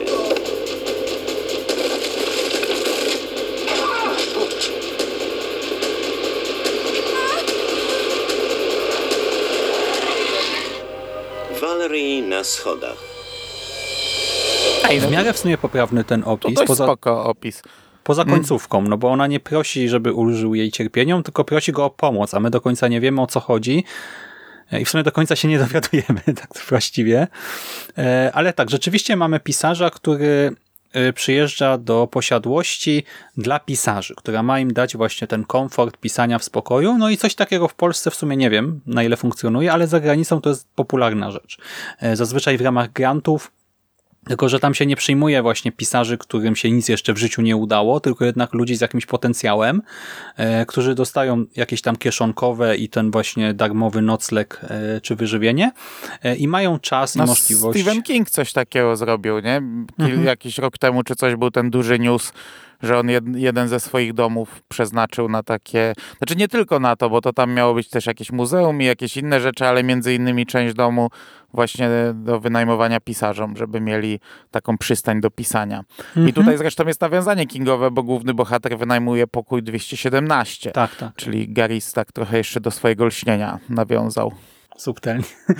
E, I e, tutaj nasz bohater e, jest właśnie takim pisarzem, który pisze do szuflady, któremu nic się nie udało jeszcze wydać, no i teraz traktuje to jako tę ostateczną szansę, żeby no, podbić rynek, żeby napisać jakiś bestseller. E, No i na miejscu okazuje się, że no to nie jest właśnie taka posiadłość grantowa, e, tylko e, coś, co wygląda trochę bardziej jak stary hostel. Nie jest tam jakoś to nie są może warunki tragiczne, no ale też nie jest tam jakoś super czysto, super sympatycznie. Mieszkają tam sami ekscentrycy, tacy właśnie też niedoszli pisarze, którzy są w trochę taki przerysowany sposób przedstawieni. E, No i jest też ta tytułowa Valerii. E, Valerii, która e, no, jest duchem, co widać już po warstwie e, wizualnej, bo jest taka właśnie prawie że prześwitująca, wyprana z kolorów. Taka no i- świecąca bardziej chyba. Światło na nią pada, bo tak, bo ale właśnie ona... taka bez kolorów też nie, w sumie rzeczywiście, no nie, nie tak, że widać przez nią coś, no za nią jest ściana, więc w sumie to nie ma tam też za dużo nie ma tam co być widoczne. E, No i bohater ją gdzieś tam słyszy, widzi, no i gdy do niej podbiega, no to ona znika. E, Wydaje się, że to coś ją wciąga w jakąś dziurę czy coś, ale tam tak naprawdę nic nie ma, jest tylko e, ściana. No i e, bohater e, początkowo no, po prostu reaguje e, na jej krzyki i tak dalej. Czyli nawet nie tyle krzyki, co jakieś tam pojedyncze odgłosy z korytarza i walenie w ściany, bo to wydaje mu się, że coś chodzi po prostu w ścianach wokół jego pokoju i tłucze bardzo mocno w nie, e, co sprawia, że w tym epizodzie jest bardzo dużo e, jump scare'ów, to znaczy e, i takich wizualnych, ale przede wszystkim dźwiękowych, gdzie rzeczywiście nagle coś łupnie, no i czy człowiek chce, czy nie, no to trochę tam pewnie podskoczy, czy chociaż się ruszy, e, słysząc to. No i e, pierwsze, drugie spotkanie, bohater się zakochuje e, w tej widmowej postaci. Wiemy też, że ma jakieś straszne przejścia ze swoją właśnie byłą dziewczyną, żoną, partnerką. Nie wiemy, czy ona w ogóle żyje, bo tam widzimy, że ją wspomina jakieś sceny ostrej kłótni, jakiegoś rzucania w siebie kieliszkami czy talerzami i tak dalej. No też ma coś tam na sumieniu na pewno. E, No i e, okazuje się, że nikt w domu e, z tych pozostałych pisarzy czy pani, która ten przybytek prowadzi, nie przyznaje się do tego, że też coś widzieli, a bohater jednak czuje, że coś tutaj nie gra, że jest może jakaś zmowa milczenia, no i powoli odkrywa kolejne elementy układanki. No jak ty powiedziałeś o tym, że się bohater e, nasz główny zakochuje w tej Walerii, no to ja właśnie to najbardziej zapamiętałem z tego odcinka, e, w tym sensie, że on mi się zawsze kojarzył z takim romansidłem e, i zawsze uważałem, że to jest jeden z tych odcinków, tak jak ty Mando powiedziałeś o poprzednim, że ten tutaj w ogóle nie pasuje do mistrzów horroru, bo tego horroru jest tutaj mało. I ja go oceniałem zawsze jakoś średnio. On nie był dla mnie czymś złym, e, nie był też jakoś specjalnie dobry, ale tutaj ponownie e, znowu mi się wiele zapomniało, e, bo o ile e, cały główny wątek wiedziałem do czego prowadzi, pamiętałem i tak dalej, i tak dalej, to, to kilka rzeczy mi się tutaj spodobało.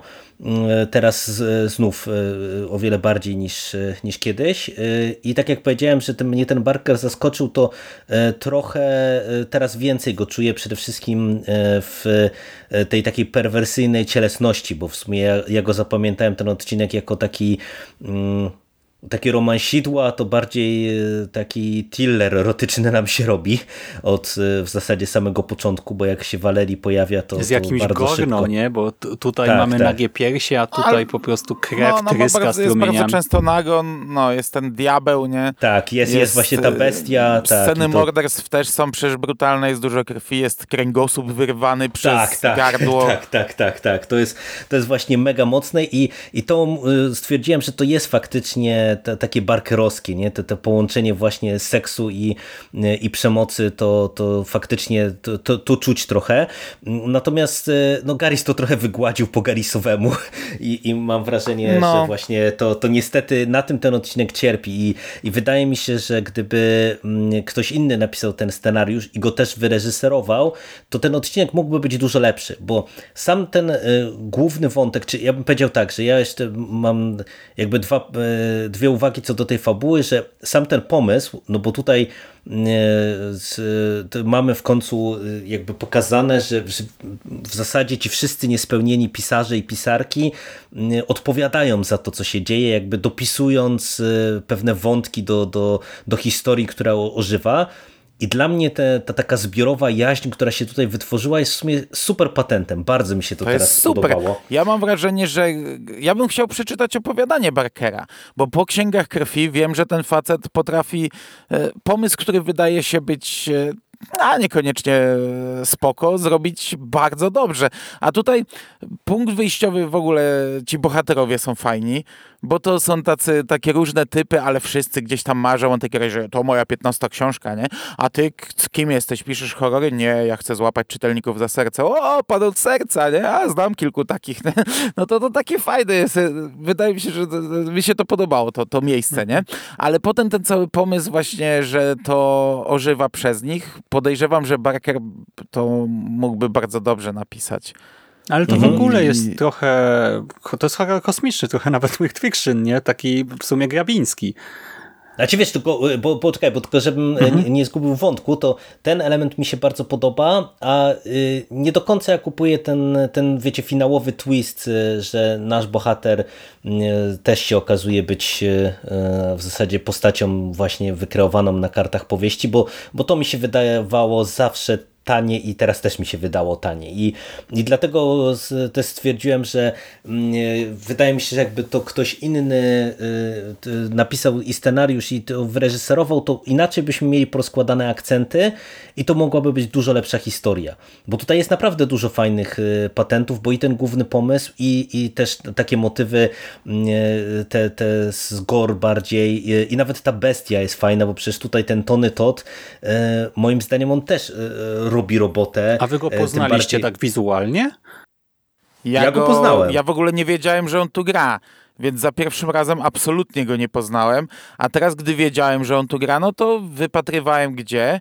I w pierwszej chwili nie poznałem, no ale głos poznałem. I, I tak próbowałem sprawdzić. No mówię, kurde, no czy ja go zobaczę tutaj. I no, gdy, gdy już wiesz, gdy szukałem w tej twarzy Tonego Toda, to ją zobaczyłem. No ale to wiesz, to jest tak jak widzisz Jezusa w plamie na, na, na szybie, nie? No.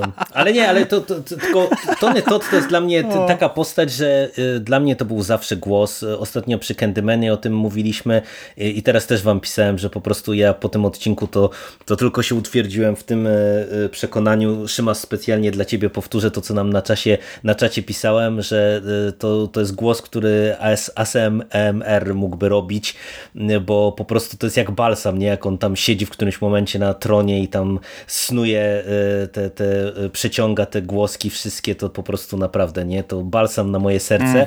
E, Także to, jest, to jest fajny patent. E, e, Także no, mówię, wydaje mi się, że tutaj niewiele by brakowało, żeby to była naprawdę świetna historia, E, a, a tak to tak, e, no tak mówię, to tak nie do końca jestem przekonany, ale oceniam ten odcinek na pewno dużo wyżej niż go zapamiętałem.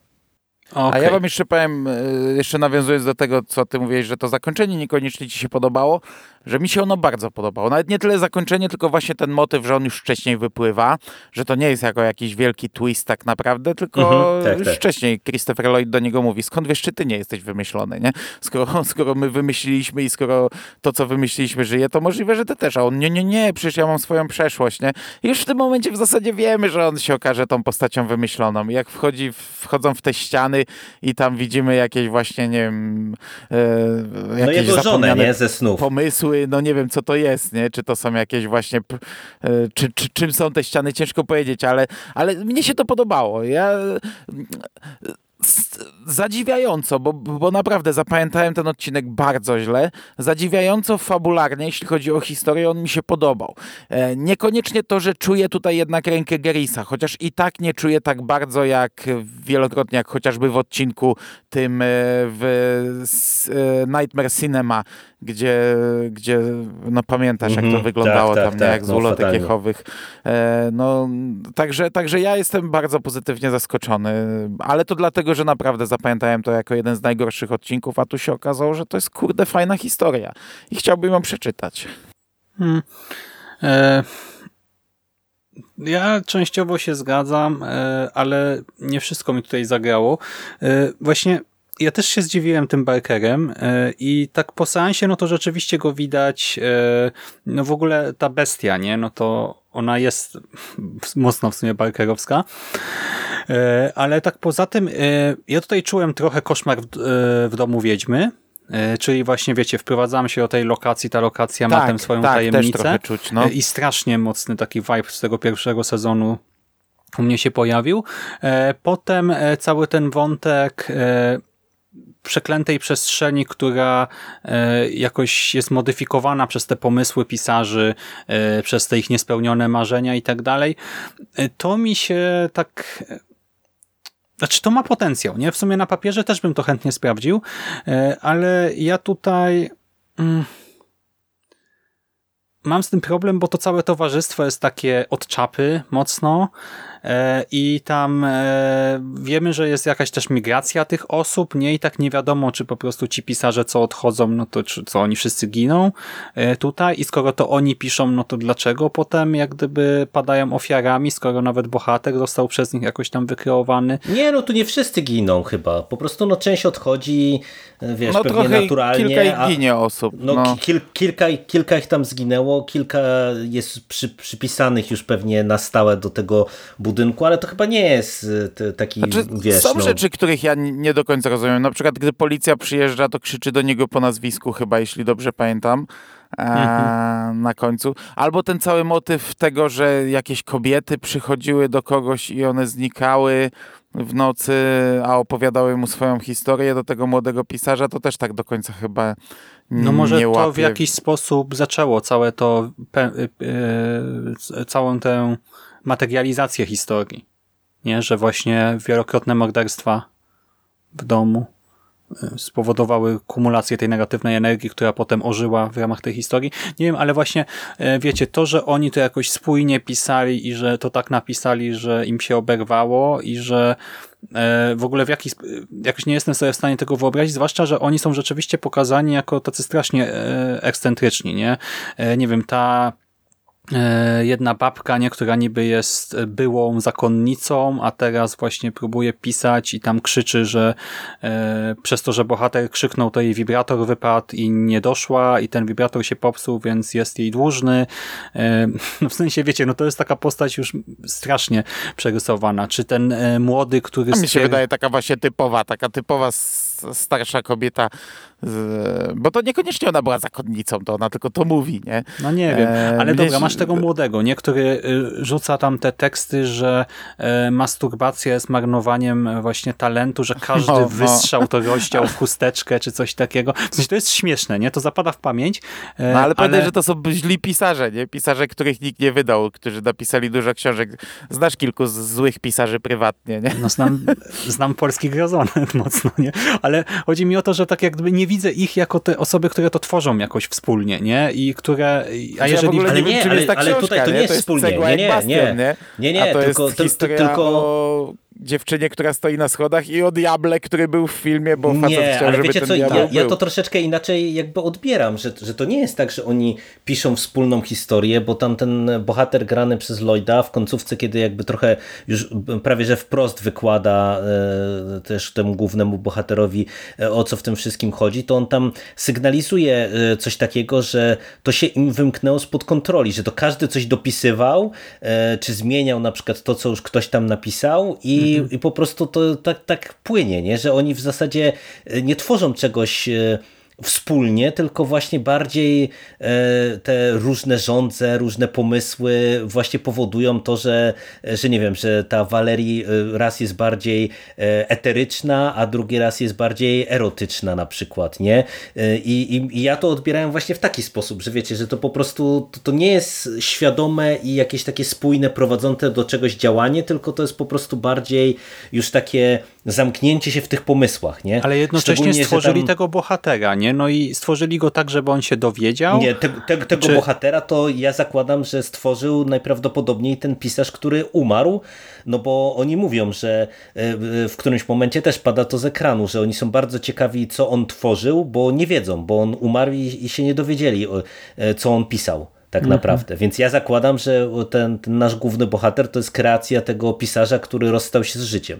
Okej, okay, no dobra, ale to nadal moim zdaniem to nie do końca wypływ, w sensie jestem w stanie kupić to, co teraz mówisz, ale moim zdaniem to nie jest jasno y, powiedziane w samym serialu, nie? że to y, mhm. no, jest jaka, się, jakaś tam y, próba spięcia tego po prostu w, w całość.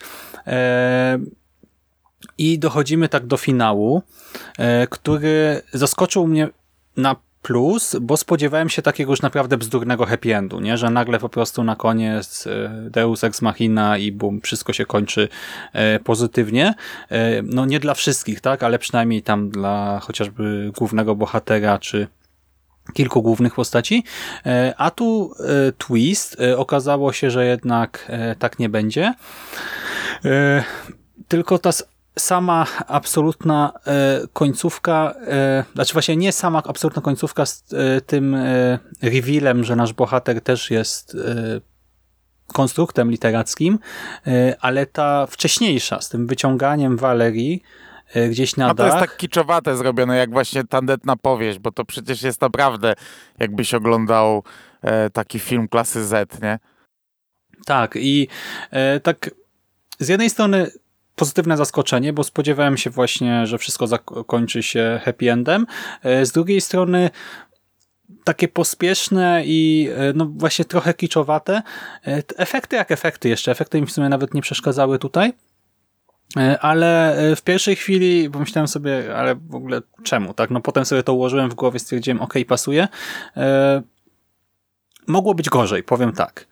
E, Przy czym, e, bo w sumie tego nie powiedziałem wcześniej, przez cały epizod ja go oglądałem z takim umiarkowanym jednak zainteresowaniem, bo e, ja na przykład lubię bardzo Koszmar w domu Wiedźmy i tu tamten epizod oglądało mi się przyjemniej, a tutaj tak Nie Cięż- no, wiesz, no, koszmar, koszmar w domu Wiedźmy to jest jednak czołówka mistrzów horroru też na pewno. Ale po więc- prostu tutaj miałem taki problem, że wiecie, no ten koleś słyszy, że coś mu nawala w ścianę, widzi jakąś płaczącą laskę, widzi, że ona znika w ścianie i się w niej zakochuje. Tak, ja wiem, że on ma być pisarzem romansów i tak dalej, to, to ma jakieś tam... y, Wiem, co z czego może wynikać, tak, czy co ma być jakoś tam symboliczne, y, ale nadal po prostu to nie jest coś, co mi się Garis śledzi. pisze i reżyseruje. Nadal Garis pisze i reżyseruje, No i właśnie to, to nie jest coś, co się przyjemnie ogląda, co mnie wciąga. Tak jak drugi epizod mnie tutaj wciągnął Mi się dzisiaj, to miał przyjemnie oglądało. tak tutaj tak patrzyłem trochę znudzony po prostu, nie? I A ostatni kadr, jak ta kartka się przykleja do ekranu. Takie, to, to, takie tandeta, nie? no, Nie no Nie mówię, wiem. mi, mi, te- mi ta sama ta końcówka, no nie, nie, to, to akurat mi tak średnio. Nie podobało mi się to za bardzo. Hmm. Okej, e, w ogóle... e, Niestety nie jestem w stanie porównać do czekolady, bo niestety omawiamy ten serial co kilka lat i ja totalnie, powiem wam, że ani nie pamiętam już w ogóle czekolady. W ogóle nie pamiętam o czym to było. Ani nie pamiętam co o niej mówiłem. Jak i nie pamiętam co w ogóle mówiłem we wszystkich poprzednich podcastach. Przecież wszystkie Także podcasty nie- są online, nie wiem w czym widzisz problem. Wystarczyło. Nie jestem, nie jestem w stanie powiedzieć, czy ten Geris jest lepszy, czy gorszy od tamtego, ale wydaje mi się, że jest Lepszy. lepszy. Jest lepszy. Lepszy, lepszy, też mi się wydaje, że jest lepszy. No. Boże. O, ja niestety trochę pamiętam. E, W ogóle ten epizod jeszcze pokazuje piękne czasy, e, kiedy jeszcze self-publishing i vanity nie były tak popularne, nie? I źli autorzy po prostu lądowali w takiej dziurze, albo, a wszystkie złe pisali, powieści lądowały w 15 książka, szufladzie. a tu 16. Tak. Ale powiem wam jeszcze tak na koniec, że nie wiem, czy to jest moje odczucie, ale ja byłem dość mocno zdziwiony, że, jak, że ten serial się zestarzał jednak. Znaczy wiem, że mówimy, że efekty są dobre, wiem, że mówimy, że te sceny krwawe, to wszystko jest spoko. No Greg Nicotero to robił. E, ale ja miałem momentami wrażenie, jakbym trochę teatr telewizji oglądał i, i w, w porównaniu, nie wiem, nie wiem, może to tylko moje wrażenie. Jak, jak tak, to mi to, to, to od razu mi sprostujcie, ale jak widziałem tę scenę, nie wiem, tam początek e, e, tego drugiego epizodu, chociażby jak oni siedzą w domu, to ja naprawdę widziałem kolosalną różnicę z dzisiejszymi serialami. Ale no, minęło 15 lat, więc jest to zrozumiałe, ale byłem trochę zdziwiony, że, że, że to aż tak już e, takie naleciałości to ma. No ja No, właśnie ja przy akurat Pro tak miałem pamiętałem. takie odczucie, nie? że oszczę, że wynajęliśmy tam jakąś jeden budyneczek, czy y, w studio zrobiliśmy te dwa pomieszczenia i że to jest teatr telewizji w tych dwóch pomieszczeniach, nie? Na przykład. I do tego Ale mi tak, nawet nie chodziło, nawet nie chodziło o to, chociaż to też to, co mówisz, się zgadzam, tylko to, jak to wyglądało. Ja, ja naprawdę widać kolosalną różnicę. Jak się patrzy teraz na seriale, to to wygląda jak produkcje kinowe, a, a, a tutaj no, no ale było, wiesz, no to, to, było- to się dosłownie zmieniło, nie? Przecież w kiedyś w serialach aktorzy Mhm. kinowi nie grali nie? i nie było takich budżetów jak teraz. Hmm. No, ale to tylko tak, tak, tak, to tylko taka pierdoła na koniec. Spoko. No to podsumowując, ja wam powiem, że z tej trójki no mnie obrońcy życia się najmniej podobali. E, bo no nie było po prostu dla mnie pozytywnego zaskoczenia, nawet ta waszym zdaniem najmocniejsza scena no na mnie wrażenia jakiegoś mocnego nie zrobiła.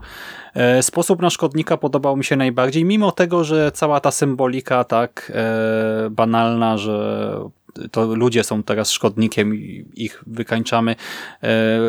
Mimo tego jakoś reszta mi się podoba i mimo tego, że to zakończenie też dla mnie jest pewnego rodzaju zawodem, to to był epizod, który mnie autentycznie trzymał w napięciu przez większość czasu, na którym było kilka scen, gdzie rzeczywiście no, troszkę wstrząsnęło, e, gdzie była jakaś tajemnica też e, dla mnie mimo wszystko, co się stanie z pewnymi bohaterami, jak to się rozwinie, czy coś zostanie odkręcone, czy nie, kto będzie winien tego wszystkiego, e, bo na przykład w pierwszym to od początku bardzo szybko widać, nie, że tam jest jakaś postać taka szatańska, że ta ciąża to właśnie absolutnie nie jest boska, że ten płótno to właśnie jest jakimś potworem.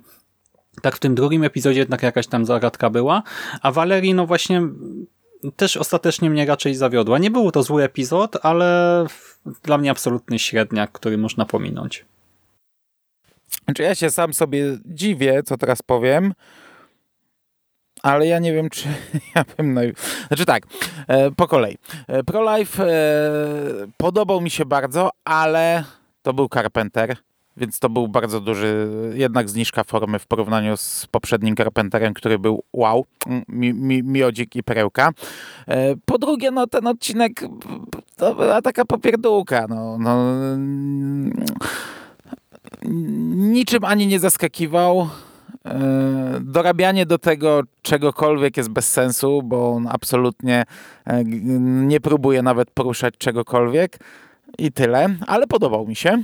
Środkowy dla mnie chyba najmniej mimo wszystko, bo według mnie on nie pasuje do tego serialu, nadal tak uważam i, i, i mam jakieś tam drobne problemy, ale oglądało się przyjemnie, natomiast ja, tak jak powiedziałem, że, że sam siebie zaskakuję, ale ja chyba jednak mimo wszystko najbardziej pozytywnie zaskoczony zostałem tą Walerii, bo, bo mówię, zapamiętałem ją bardzo źle, a to jako historia mi się w miarę podoba. No ja widzę wady, widzę dużo wad, ale i tak jak na Garisa, no tutaj perspektywa, nie? E, jak Carpentera, o, o, no wiesz, od Carpentera oczekujesz cudu, dostajesz coś zwykłego. Od Garisa oczekujesz dna, a dostajesz coś zwykłego.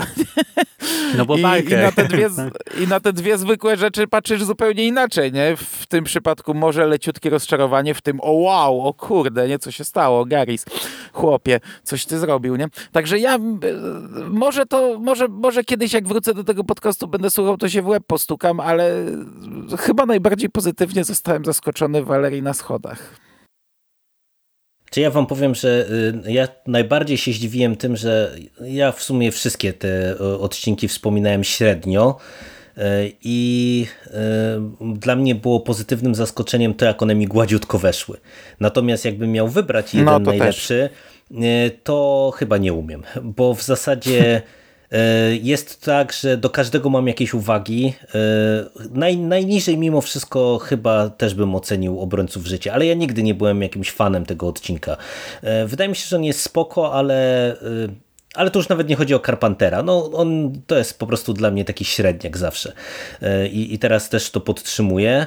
E, natomiast e, sposób na szkodnika i Walerii na schodach, mm, ja mam problem, bo te obydwa te odcinki mają jakby dużo fajnych pomysłów, ale końcówki mi trochę się nie podobają i też, no, no mówię, no one jednak trochę odstają od mistrzów horroru. Nie wiem, nie umiałbym wybrać, ale całościowo wszystkie trzy mi weszły naprawdę gładziutko i mówię, też na pewno jest bardzo, bardzo dużym e, zaskoczeniem to, że, że szczególnie właśnie sposób na Szkodnika i Walerii, które miałem w głowie, jakie na, naprawdę słabe epizody, one, one takie słabe nie są, one też mają sporo do zaoferowania, pomimo uwag, które tutaj Dobra, ale poczekaj, bo mówisz, że gładko weszły, bo się spodziewałeś czegoś złego, ale czy polecacie któryś z tych epizodów tak, że na zasadzie warto znać, że jak ktoś się interesuje grozą, to musi obejrzeć? Znaczy to musi obejrzeć całych mistrzów horroru. Od mm, tego zacznijmy. No nie no. wiem. No. Nie, no tak, nie. Tak, musi, ja, ja, musi. Ja, Ale tych odcinków nie. Chyba nie mam tak, żebym je bardzo polecał. E, co, to znaczy nie odradzam ich, ale, ale nie, nie, Nie, To nie, jest tak, że nie mi tykać, ale że absolutnie to No, nie jest Co mus. prawda ja bardzo pozytywnie teraz patrzę w przyszłość. Jest to pewnie bardzo daleka przyszłość, czyli za te trzy lata czy coś, jak siądziemy do kolejnego Nie no, podcastu. w, jak w tym E, tempie, tak, to teraz tak, możemy sobie mówić, teraz pójdzie szybciej, no. Nie, za sześć Em, teraz a- lat. Aha, bo ja wiesz, ja na przykład koszmarnie wspominam to we, we All Scream for Ice Cream i to tak naprawdę to już wspominam jako coś, co jest tak złe, że, że aż boli. I, I kurczę, z przyjemnością do tego teraz usiądę, bo możliwe, że faktycznie ja, ja, ja mam Nieodkryta perła bardzo, na nas czeka. no, wy, wypaczone wspomnienia, bo tu mnie jednak te trzy odcinki, tak, znaczy te dwa, bo Pro Life to ja tak wspominałem jak, jak teraz, ale te dwa mnie trochę tam jakoś tam delikatnie powiedzmy zaskoczyły. Mhm. E, A teraz nam właśnie co wyskoczy? Wszyscy wołają o lody. E, Czarny Nie kot wiem, już. teraz nam zostały chyba cztery odcinki, więc jest problem, jeśli dobrze pamiętam, bo tam jest jeszcze e, to mm, prawo do życia, czy prawo do śmierci. E, Prawo do śmierci. Wa- Washington, Waszyngtonowie ostatni, którzy Czarny w Polsce nie kot byli wydani. i, i rejs. No, nie? mhm. O, to ten. Nie, to więcej, ten, ten nie, to dobrze. więcej jest coś odcinków, to jest pięć odcinków. Prawo do No śmierci pięć, wszyscy ale w sensie, wołają że na pewno czarny nie kot. wielokrotność trójki. Mhm. Ale nie, no to idealnie, no bo prawo do życia wszyscy wołają i czarny kot i na koniec wymarzony rejs Bractwo Waszyngtona i podsumowanie. I podsumowanie. Dobra, I pod, a potem ten, a potem coś, czego nie porzuciłem i w sumie os, ostrzę tutaj pazurki na to.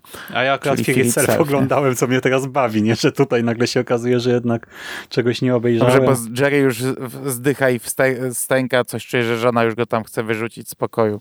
no zaraz mnie wyrzuci, za drzwi jeszcze. Także kończymy. Najgorzej. No, No, dobra, to tam no, mów, nie? Mi- Miłego weekendu klimatycznego i to tam, co zawsze mówisz, no. Dzięki, E. fajna rozmowa była. O kurde.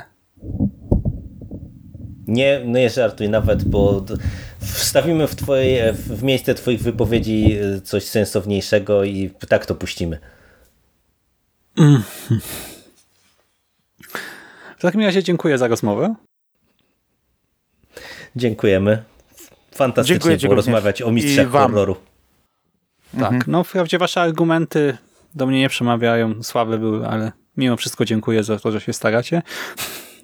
A wam, kochani, tradycyjnie już życzę klimatycznego weekendu, udanego tygodnia i do usłyszenia w następnym, nawiedzonym podcaście.